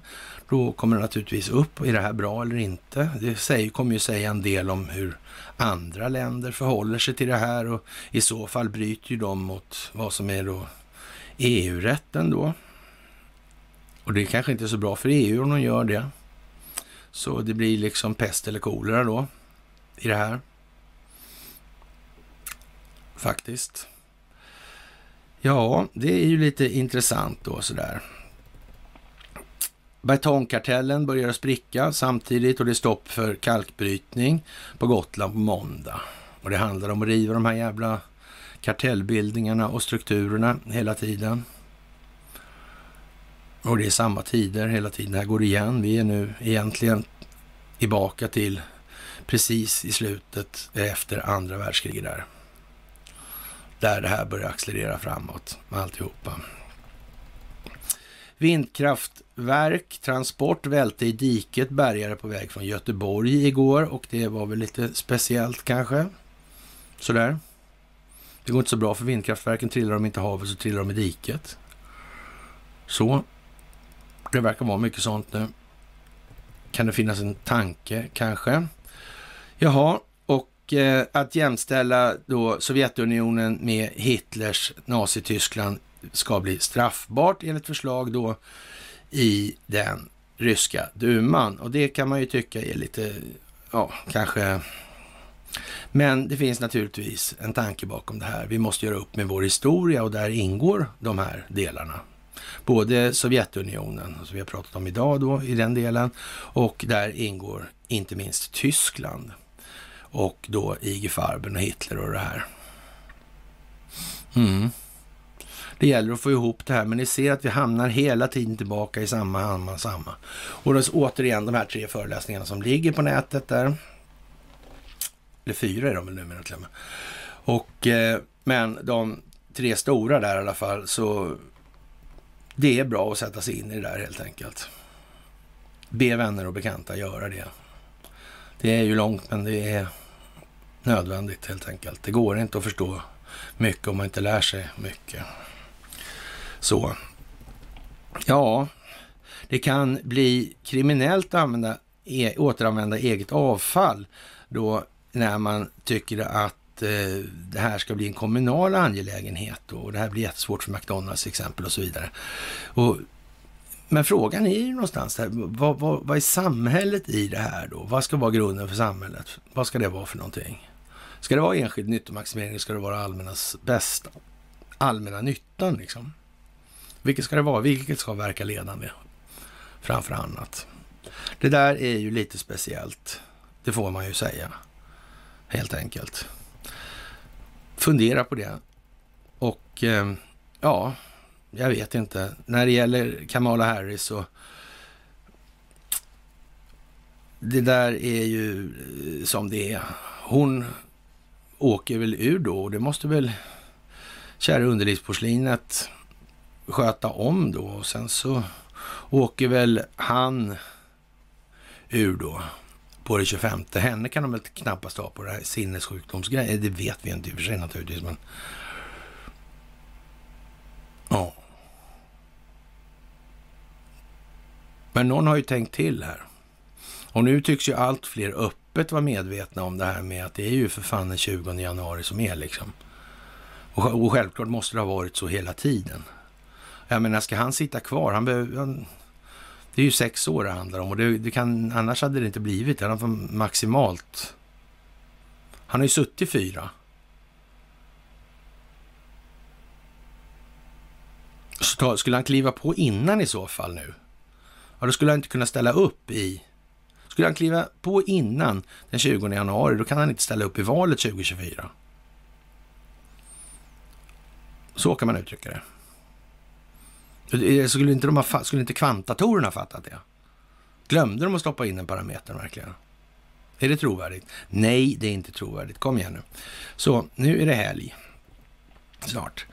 Jaha, och eh, såklart, vi ska ha så mycket mångfald så att politisk segregering kan undvikas. Techjättarna bildar koalition för mångfald och jag vet inte, det där börjar ju bli liksom hur löjligt som helst och ingenting annat. Vi har ingenting att tillägga snart i de här sammanhangen. Vi vet hur strukturen ser ut kontrollmässigt, vem som kontrollerar vad och vad som är nödvändigt i det. De behöver telekominfrastruktur, det börjar där liksom. Och sen är det och de här eh, Apple, Cisco, Google, LinkedIn och så vidare. Ja, de betalar och ingenting annat. Och så är det. Och det amerikanska justitiedepartementet har ju dragit åt lite på Ericsson eftersom de har gjort förbrytelser i de sammanhangen.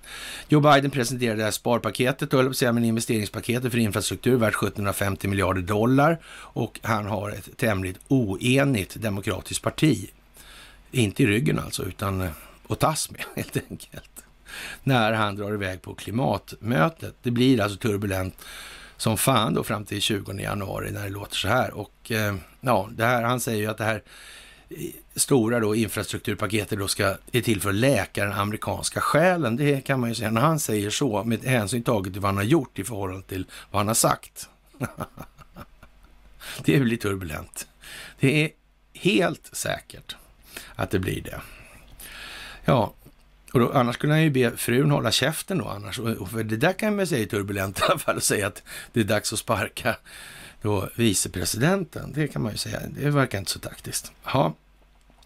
Och eh, den norska hälsoministern kommer att ta verktygen i anspråk då som behövs helt enkelt för att stoppa den här smittspridningen då naturligtvis. Och det, Sverige måste väl stänga gränsen om det sprider sig så in i helvete i Norge. Eller? Eller är det teater för optiken, för opinionsbildningen, för den kommande informationen ska vara möjlig att ta emot och så vidare. Kan det vara så? Eller rätt sagt, hur fan kan det vara på något annat sätt? Ingen har tänkt, ingen planerar, ingen begriper, ingen förstår. Alla är bara dumma i huvudet och själv är man smartast på jorden. Ja, så kan det vara ibland. Sätt stopp för bankskatten, det tjänar alla på. Okej, okay, alla tjänar verkligen på det och eh, ja, stackars Magdalena. Det är synd om henne mellan varven tycker jag. Tycker jag faktiskt. Hon mår inte jättebra ser ut som faktiskt. Sådär. Men, men hon får fatta sina beslut. Det är Så hon får bära konsekvenserna i alla fall.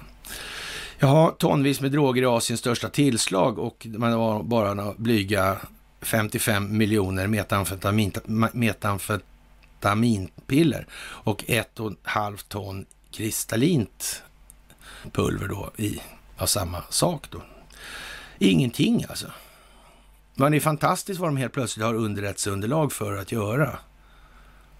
Det har de inte haft tidigare. Vad fan har det blivit så här för? Konstigt, konstigt, konstigt. Jaha. Ja, Kina ska inte minska utsläppen förrän 2030 säger man då. Och då får väl vi höja dieselpriset till 6 000 spänn och sänka motor, eller hastigheterna till 30 kilometer i timmen då. Eftersom vi är mycket större utsläppare av de här så kallade gaserna än vad Kina är. Eller? Ja, det börjar ju bli lite som det är nu här. Men ni är jättebra på att hänga med på det här och det, som belöning för att ni är så bra på det här så har faktiskt eh, svenska försvaret fått eh, tillstånd att köpa Saabs Global Eye.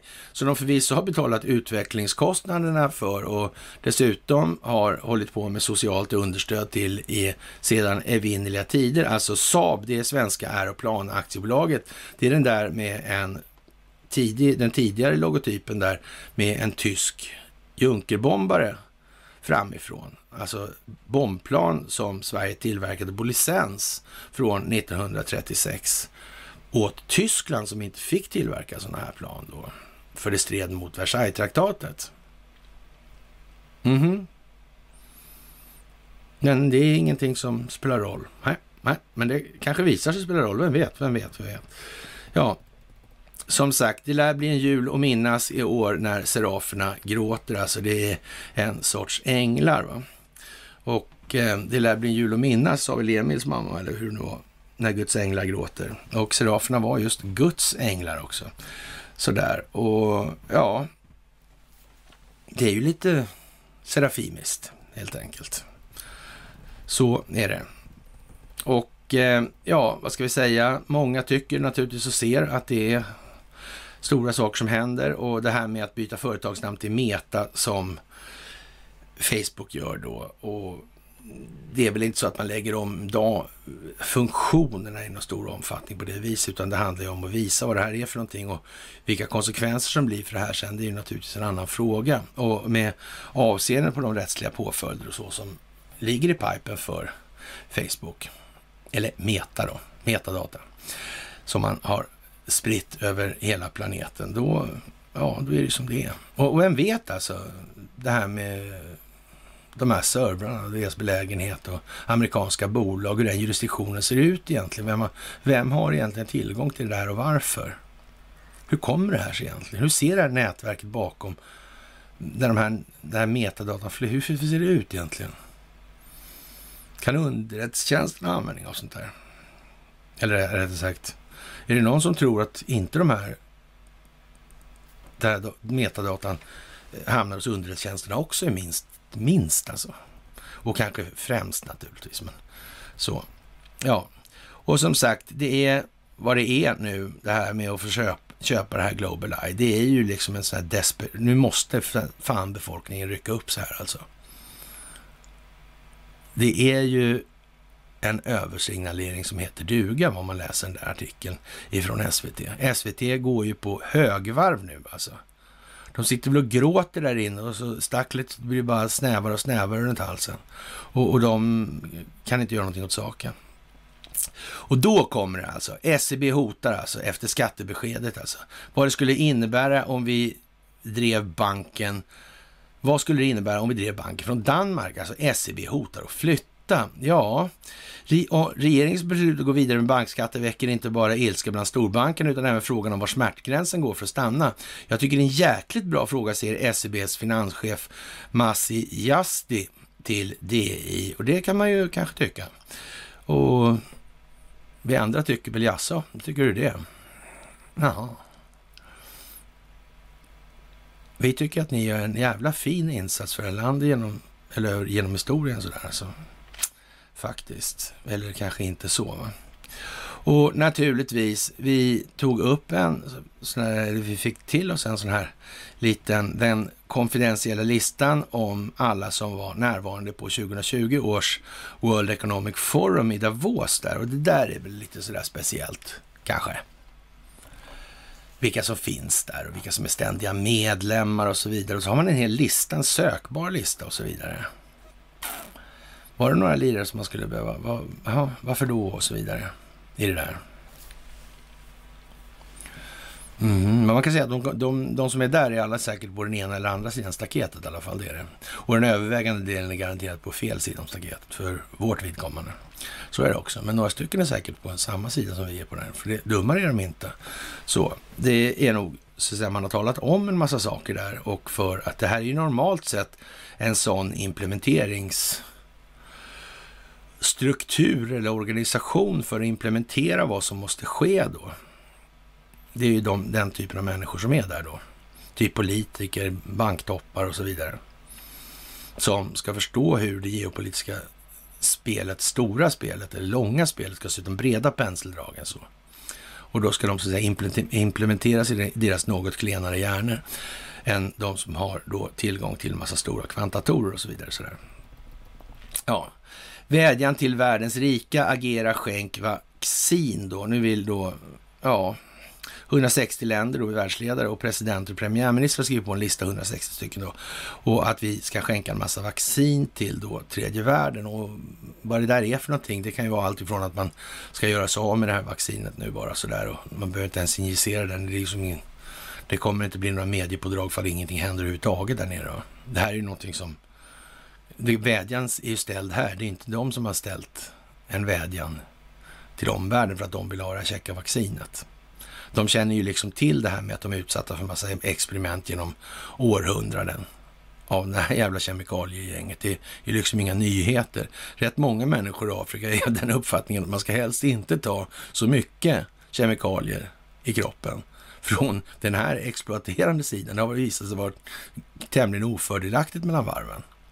Det, det sitter nog i ryggmärgen på rätt många skulle jag vilja påstå. Faktiskt. Jaha, utrustning från Saab i fabriken i Trollhättan på auktion då. Och man får väl fundera liksom vad det är som händer här med det här Saab och det är det ena och det andra. Faktiskt. Och är den här krigsmaterielindustrin, är den bra att ha den? Till någonting. Och ska man ha en krigsmaterielindustri, vilket syfte ska den ha då? Faktiskt. Det kan man ju fråga sig. Jaha, det återskapar den omtalade intervjun med Diana Spencer då, eller prinsessan Diana. Och ja, det var väl eh, en otroligt massa kontextuella sammanhang som finns i det här och med Netflix och så vidare. Och ja, vad ska vi säga? Det kommer fram. Det kommer i ljuset från verkligheten. Men försök att väga ihop så mycket. Försök titta ut istället. Upphöj blicken. Det lättaste sättet att se runt hörnet är som sagt att titta på hörnen uppifrån. Fågelperspektiv. Det är mycket, mycket enklare att se runt hörnen därifrån än om man står på gatan på ena eller andra sidan. Så. Det måste man tänka på nu.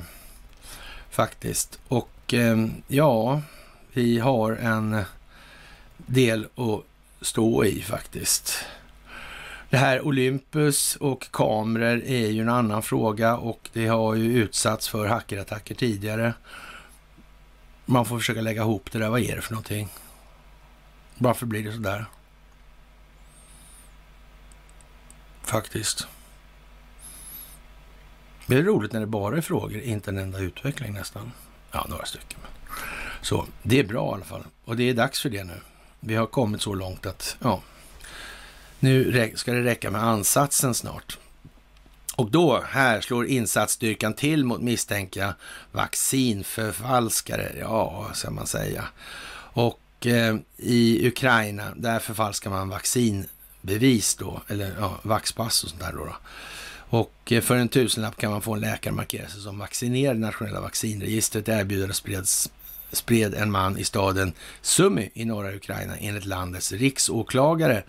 Och det pågår hundratals utredningar angående förfalskade vaccin och PCR-testbevisen i landet. Och vad ska man säga?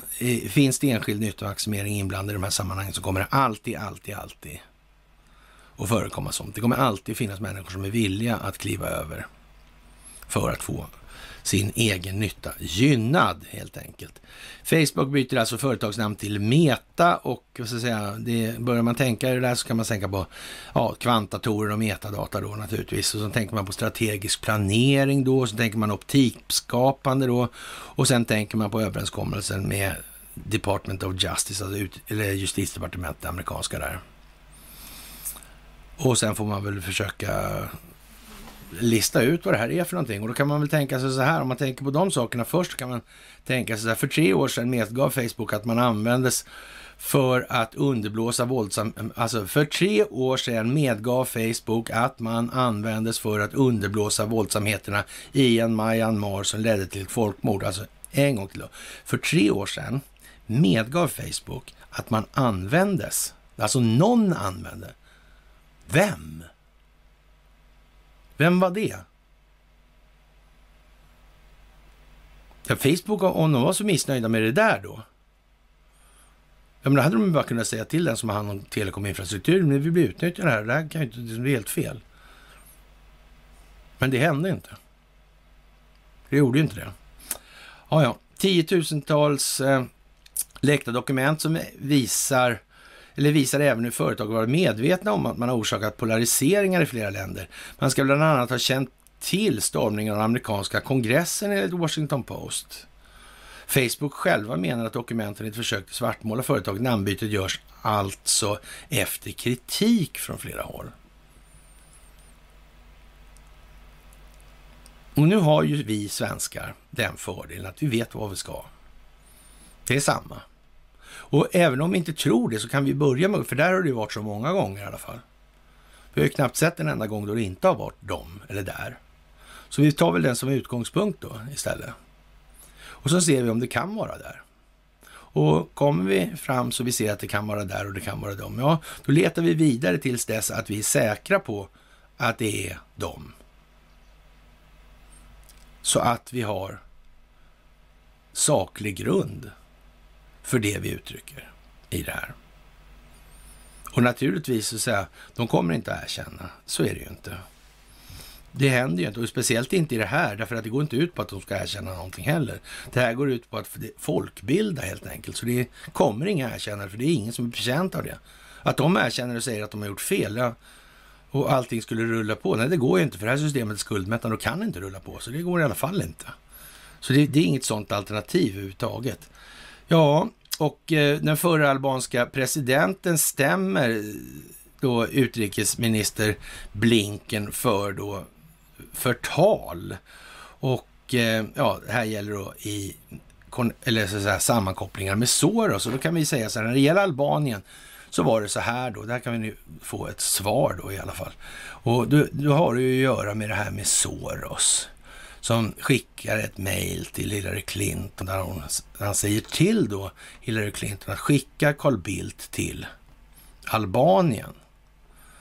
Jag menar, Hillary Clinton har ju ingen aning om någonting. Det är ju Carl Bildt som bestämmer där alltså, över Soros och Hillary Clinton i den meningen. Eller rättare sagt på uppdrag av husse då, så sker det där. Det är så det ser ut. Ja, och det är ju vad det är nu helt enkelt det här och det är jättetydligt helt enkelt. Och här på lite lägre svensk nivå så har dansföreningen inför vaccinationskrav här. Och det är ju lite sådär eh, speciellt. Eh, vad ska jag säga? Det, det, är som lite halv... Eh, ja, det är tragiskt egentligen att nivån är på det. Dansföreningen Dans för alla inför då vaccinationskrav och jag vet inte. Ja, Jo, man får väl le lite. Sådär, ja. Ja, och man menar nu i samband med det här att man börjar då skruva åt på internet, eller internetoperatörerna på det sättet, de där ISP-erna då, ja, Det är inte där man skruvar åt, utan det är på plattformarna så där först. Och sen så ligger ISP-erna under det, men under ISP-erna ligger ju telekominfrastrukturen, så man är fortfarande några steg upp i alla fall. Eller i alla fall två. Och eh, en professor då tycker att risken är att allt av värde försvinner från ämnet. Och sen en, en lösning på det här, det är ju ja, att man kan ju kanske sluta med de här eh, anonyma identiteterna så. Man måste ha liksom en öppen identitet så att man kan få till straffrättsliga påföljder för de som begår övergrepp mot gällande lagstiftning. Så. Det kan vara ett sätt. Ett annat sätt är att göra det här till någon form av internationell angelägenhet under en gemensam kontroll då. Till exempel. Men hur som helst, så det är ju lösningen innehåller ju sådana faktorer som innebär öppenhet och transparens. Inte det omvända. Det är ju så. Och i, alltså, i, materi att, i materialrättsligt skit, nu vet ju inte vi hur, exakt hur länge den där jävla sagan lever kvar, men ja, den kommer ju börja fasas ut tämligen snart alltså. Och det, det, har vi ju sett exempel på nu här. Det finns alltså olika sätt att lösa det där på. Och eh, någonting konstigt har i Högsta domstolens bedömningar och eh, ja, som sagt, Högsta domstolen är vad den är. Precis som all annan Stockholmsbyråkrati. Tro inget annat. Man har inte missat den detaljen om man säger som så. Ni minns vilket arbete som lades ner i USA av Donald Trump och hans administration att hantera den högsta domstolen och hur det ändå inte räckte till, eller det gjorde ju det för det skulle ju exponeras så, men in, inte i någon sån där gängse mening att man tror det ska bli klart på en gång alltså. Då räckte det ju ingenstans, men det var inte det som var meningen, utan det är ju det här då du menar. Ja, Joe Biden måste få sitta där han sitter. Helt enkelt. Mm. Det är som det är. Fram till den 20 januari då. Då, då han kan försvinna därifrån och sen får vi se hur det exakt ser ut med dagarna sen. Och det kan ju vara lite spännande för då är det i alla fall två år och några dagar. Eller är det ett år och 364 dagar som ska vara eller är två år och... Ja. Jag är inte säker på när konstitutionen föreskriver det, men det lär ju de ha koll på om vi säger som så. Men hur som helst är det den 20 januari som gäller i så motto. Jaha. Finansinspektionen har själv bröstit mot en massa regler och det, det är väl inget sådär jättekonstigt. Vi får väl säga det var väl trevligt att vi fick en sån här äh, finansinspektionsgubbe mot oss i den här artikeln då som var ifrån Epoch Times. Det var ju lite trevligt tycker jag. Och ja, sådär. De eh, är ju vad de är de här strukturerna och vi har ju konstaterat många gånger att det är ju helt allt ifrån den här adoptionsbyrån och så vidare. Och när SVT går upp och säger så här att familjen är redo att sälja sin son för sin överlevnad i Afghanistan där, då kan man ju faktiskt säga så här att skaffa barn för försäljning på en marknad nära dig snart alltså. Och, och ungefär på den bogen är det här nu. Det kommer inte att vi kommer inte komma undan som land. Alltså det, och, och, och, ju mindre vi förstår det, så jävligare kommer det bli helt enkelt. Och, och, ingen kommer att hjälpa oss att förstå det åt oss. Alltså det kommer vi få göra själva hur som helst. Alltså. Och ja, vi har ju det klimat vi har. Det är det vi har att arbeta med och det måste vi arbeta utifrån alltså. I och med det då.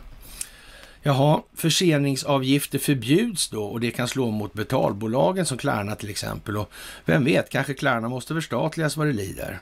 Det kan ju vara så. En del saker som måste finnas för samhällsnyttan, de måste finnas för samhällsnyttan. Så. Mm. Så är det också. Och eh, Joe Biden, han har börjat med ett överspel som heter duga, så han tycker att han ska ge då illegala immigranter 450 000 dollar per person alltså. Det är ju lite over the top va. Tyvärr är det lite elakt att göra på det här viset som de har gjort här. För det är inte, Joe Biden är ju inte så dum egentligen, men får man tänka på vad han gör och på vems uppdrag eller varför. Och, men man kan säga så här, det där är ju lite taskigt mot folk. Det är ju lite, ja, fräckt då liksom. För de är inte, det är ju så att alla som röstar på Joe Biden är ju inte planetens smartaste människor då, då på det viset. Men det är ju rätt många av dem som kommer tycka, som har dåligt med pengar och så här, befinner sig i en pressad social situation, att de kommer tycka att det är ganska dåligt att man ska ge illegala invandrare 450 000 dollar per skalle liksom. Det kan ju möjligtvis tänkas medföra några negativa opinionsbildningseffekter, kanske. Precis alltså. Och det ska man inte underskatta att man har insett då, så att säga. Jaha, och sen har Carnegie ett nytt noteringsfiasko och det är väl inte så mycket att säga om Carnegie. Vi har pratat om Carnegie så många gånger i olika sammanhang så att det är ju, sitter ihop med gamla Ostindiska kompanier och sådana här grejer. Och det sitter ihop med svensk narkotikapolitik och det sitter ihop med prissättningen på narkotika då. Framförallt Carnegieinstitutet sitter ihop med Nils Bejerot och svenska narkotikapolitikens fader och så vidare och så vidare och så vidare. Hans döttrar håller på med diagnoser och så vidare och så vidare. Det är samma gamla vanliga soppa hela tiden. Jaha, Säpo-operation pågick under natten och Palme mördades. Kommer helt plötsligt sådär lite nu. Och ja, som sagt, det här ska upp. Det kommer upp och sen kommer avgörande pusselbitar i de här sammanhangen. Jag känner på mig på något vis att det här just med att Säpo har en operation som pågick och att Estonia ligger där hon ligger med hål i kommer liksom flyta ihop på något vis. Mm. Vem vet vad en folkpartistisk valberedning kan vara. Sådär. Ja, Al-Qaida-fånge vittnar om övergrepp i CIAs läger och de här olika ja, black sitesen och så vidare. Sådär. Och den här Kan i fråga här, han heter inte, Ka, inte Kanas utan KHAN, Khan, har samarbetat i utredningar mot flera män som kopplas till terrordåden den 11 september. Och det är naturligtvis oerhört speciellt. Och där får man tänka till lite, vilka var det som satt där inne då? Vad var de blev torterade för? Man kan säga så där, att det, som så här, att det där är informationsspridningsbegränsning big time. Är det där. Detsamma gäller de här som har suttit och som är ute nu som blev ledning i Afghanistan. Mm. Man kan säga att eh, man har tidigare sett, försökt se till att det inte ska läcka information på olika sätt. Mm. Sverige var inblandad Bromma, Anna Lind. Så någonting har med det där att göra. Århundradets jävla underdrift. Så. Mm. Och eh, förbluffande utveckling i Kina oroar USAs försvar. Så kommer vi tillbaka till den här jävla militärindustrin och takten i... Det ska vi inte alls... Så ska vi göra istället. Så gör vi. Mycket bättre.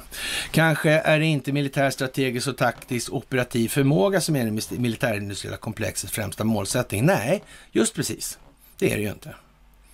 Utan deras främsta målsättning är gynnandet av sin egen nytta, sin egen vinstmaximering. Så det kommer alltid vara så. Ett, ett land som håller sig med alltså, privata vapenindustrier som kan sälja till flera parter jag menar, hur jävla dum i huvudet kan man vara liksom? Och tro att de inte kommer sälja ritningarna också. och så säga att det har läckt spionvägen. Och så blir landet tvungen att köpa nya. Och sen håller den på och trissar sida till sida till sida så här. Jävlar vad konstigt. Fan, det var undligt. Och den där jävla Global Eye är dessutom kompatibel med hela NATO-systemet. men det var fan vad konstigt. Idioter, de är just dyra alla deras system också. Och så får lilla Svenska Aeroplanaktiebolaget där liksom, får de fingrarna på prylarna liksom. Fan också. Ja, ja. Takten i Kinas militära utveckling är förbluffande, det säger USAs avgående vice försvarschef John Hyten apropå Kinas test av en hypersonisk robot enligt CNN. Han lämnar därmed försvarsminister Lloyd Austins budskap om att Kina är ett tilltagande hot medan Ryssland alltjämt är det största hotet. Att kalla Kina för ett tilltagande hot är en användbar term eftersom Kina, takten i Kinas militära utveckling är förbluffande.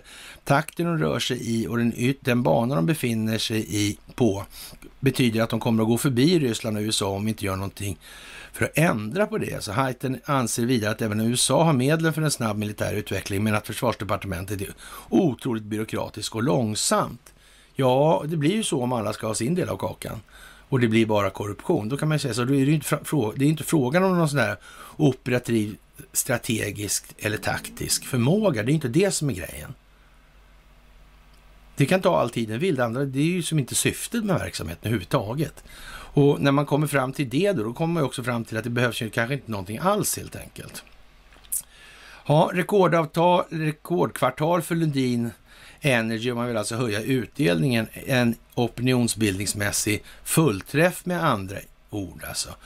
Och eh, i Wisconsin så håller sheriffen nu presskonferenser i uniform och talar att det var liksom eh, inte bara några vallagar som bröts här, utan hela valet var rena rasslet alltså. Ett moras alltså. Mm. Och, men svenska medier, nej. Ja, och det blir så. det måste bli så, ursäkta. Jaha, de har dessutom haft massa olika varianter på det här och de har lämnat över det till statsåklagaren där nu som ska ta tag i den frågan. Och eh, ja, jag vet inte. Det är ju så in i helvete med dumma saker nu i USA, så det är ju liksom bara att sitta och titta. Jag menar, det är givet vad vi ska, eller vad det ska någonstans i det här. Så är det. Och det är givet att de här valfestligheterna kommer att bli vad det blir. Och det är givet att det kommer att bli en massa frihetsberövanden snart. Och att perioden fram till den 20 januari kommer att bli otroligt turbulent. Det är också helt givet. Och det kommer kunna bli jättedramatiskt och vi får hoppas att det går ordnade, under ordnade former. Och naturligtvis finns det en massa olika amerikanska politiker som kommer uppfattas, eller ja, upptäckas vara helt korrumperade såklart och det är väl inte mer än det. Och eh, ja, det kommer komma fram hur det har funkat med den här 6 januari-historien. Stormningen av Kapitolium där och ja, den här Ray Epps är ju liksom en riktig Ja, det är så dumt så det måste vara riggat. Faktiskt. Han måste ha köpt sig någonting med det där. Faktiskt. Och Talse Gabbar dyker upp där med sin nya roliga, eller nya, nu har hon ju mycket snyggare i håret i alla fall. Men med det här konstiga färgbytet i håret sådär, precis som jag har uppe på sådär. Det är olika färger på olika sidor liksom sådär. Ja, det måste bero på att man har olika funktion på hjärnhalvorna kanske. Om man inte har så, alltså menar Ja, eller skämt åsido. Ja, och hon vet naturligtvis ingenting om det här i något som helst sammanhang. Den tidigare Hawaii-kongressledamoten Tulsi Gabbard har kallat Biden Garland-administrationen för dess hämndlystna vedergällningskors har... Ja, hon kritiserar alltså så, så menar de alltså. Ja. Den hämndlystna vedergällningskorsen mot Julian Assange och varnat för att det var en hal backe för den amerikanska demokratins undergång. Alltså det, blir, det här kommer bli dåligt alltså. Om de lyckas utlämna Assange kommer det vara ännu en spik i demokratins kista här i vårt land och runt om i världen, varnar Gabbard i en video som lades upp på sociala medier på torsdagen. Den demokratiska representanten kritiserar vad hon kallar den allt mer auktoritära Biden-Garland-administrationen och undvek allt omnämnande av vicepresident Kamala Harris, som hon då tjafsade rätt mycket med då, eller stekte av ordentligt, så hon vart Eh, åkte ur direkt ur det där och det är möjligt att det eh, finns mer så att säga i den delen. Eh, inte bara möjligt. Gabbards fördömande av Biden-administrationen över dess fortsättning på dess föregångares jakt på Assange kritiserades av no några som påminde om Hawaii-kongresskvinnans godkännande av demokraten som president under valet 2020. Ja, men om Gabbard visste att det här måste spelas ut på det här viset, man måste spela ut det här med valfusket och så vidare i det här. Ja, då är det ju vad det är. Och ingenting annat. Faktiskt. Så är det ju. Och som sagt, det vet man ju inte hur det här kommer att bli. Men eh, vi kan vara helt säkra på att Donald Trump kommer tillbaka på ett eller annat sätt. Och frågan är väl närmast när då det här blir. Men det är väl en tolkning för de här författningsexperterna då. Att göra gällande med antal dagar och när det är var. Men eh, som sagt, det är mycket som står på nu. Det är det. Och det händer mycket saker i det här, faktiskt. EU kritiserar alltså Polens rättssystem, men inte Sveriges. Ja. Vad är vad och varför? Med det, kära vänner, så ska vi nog ta och ta helg, helt enkelt. Det är ni värda. Jag sällar mig till sällskapet, bara sådär. Helt enkelt. Det största av tack för det ni gör. Så hörs vi senast på måndag. Och så önskar jag er en mycket, mycket trevlig helg.